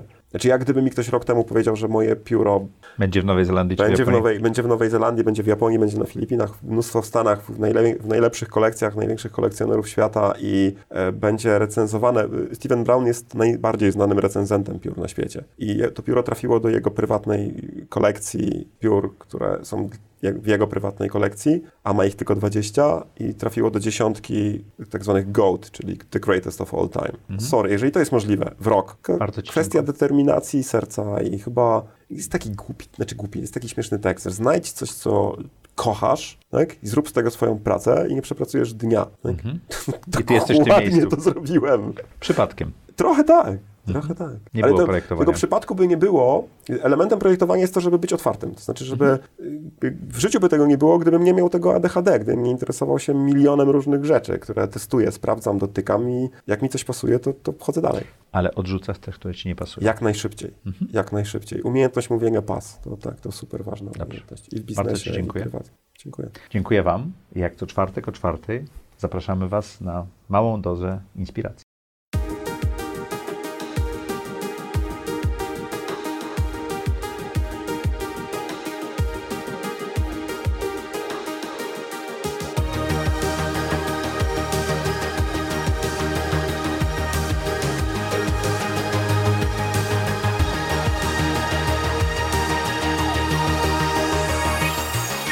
Zaprojektuj swoje życie.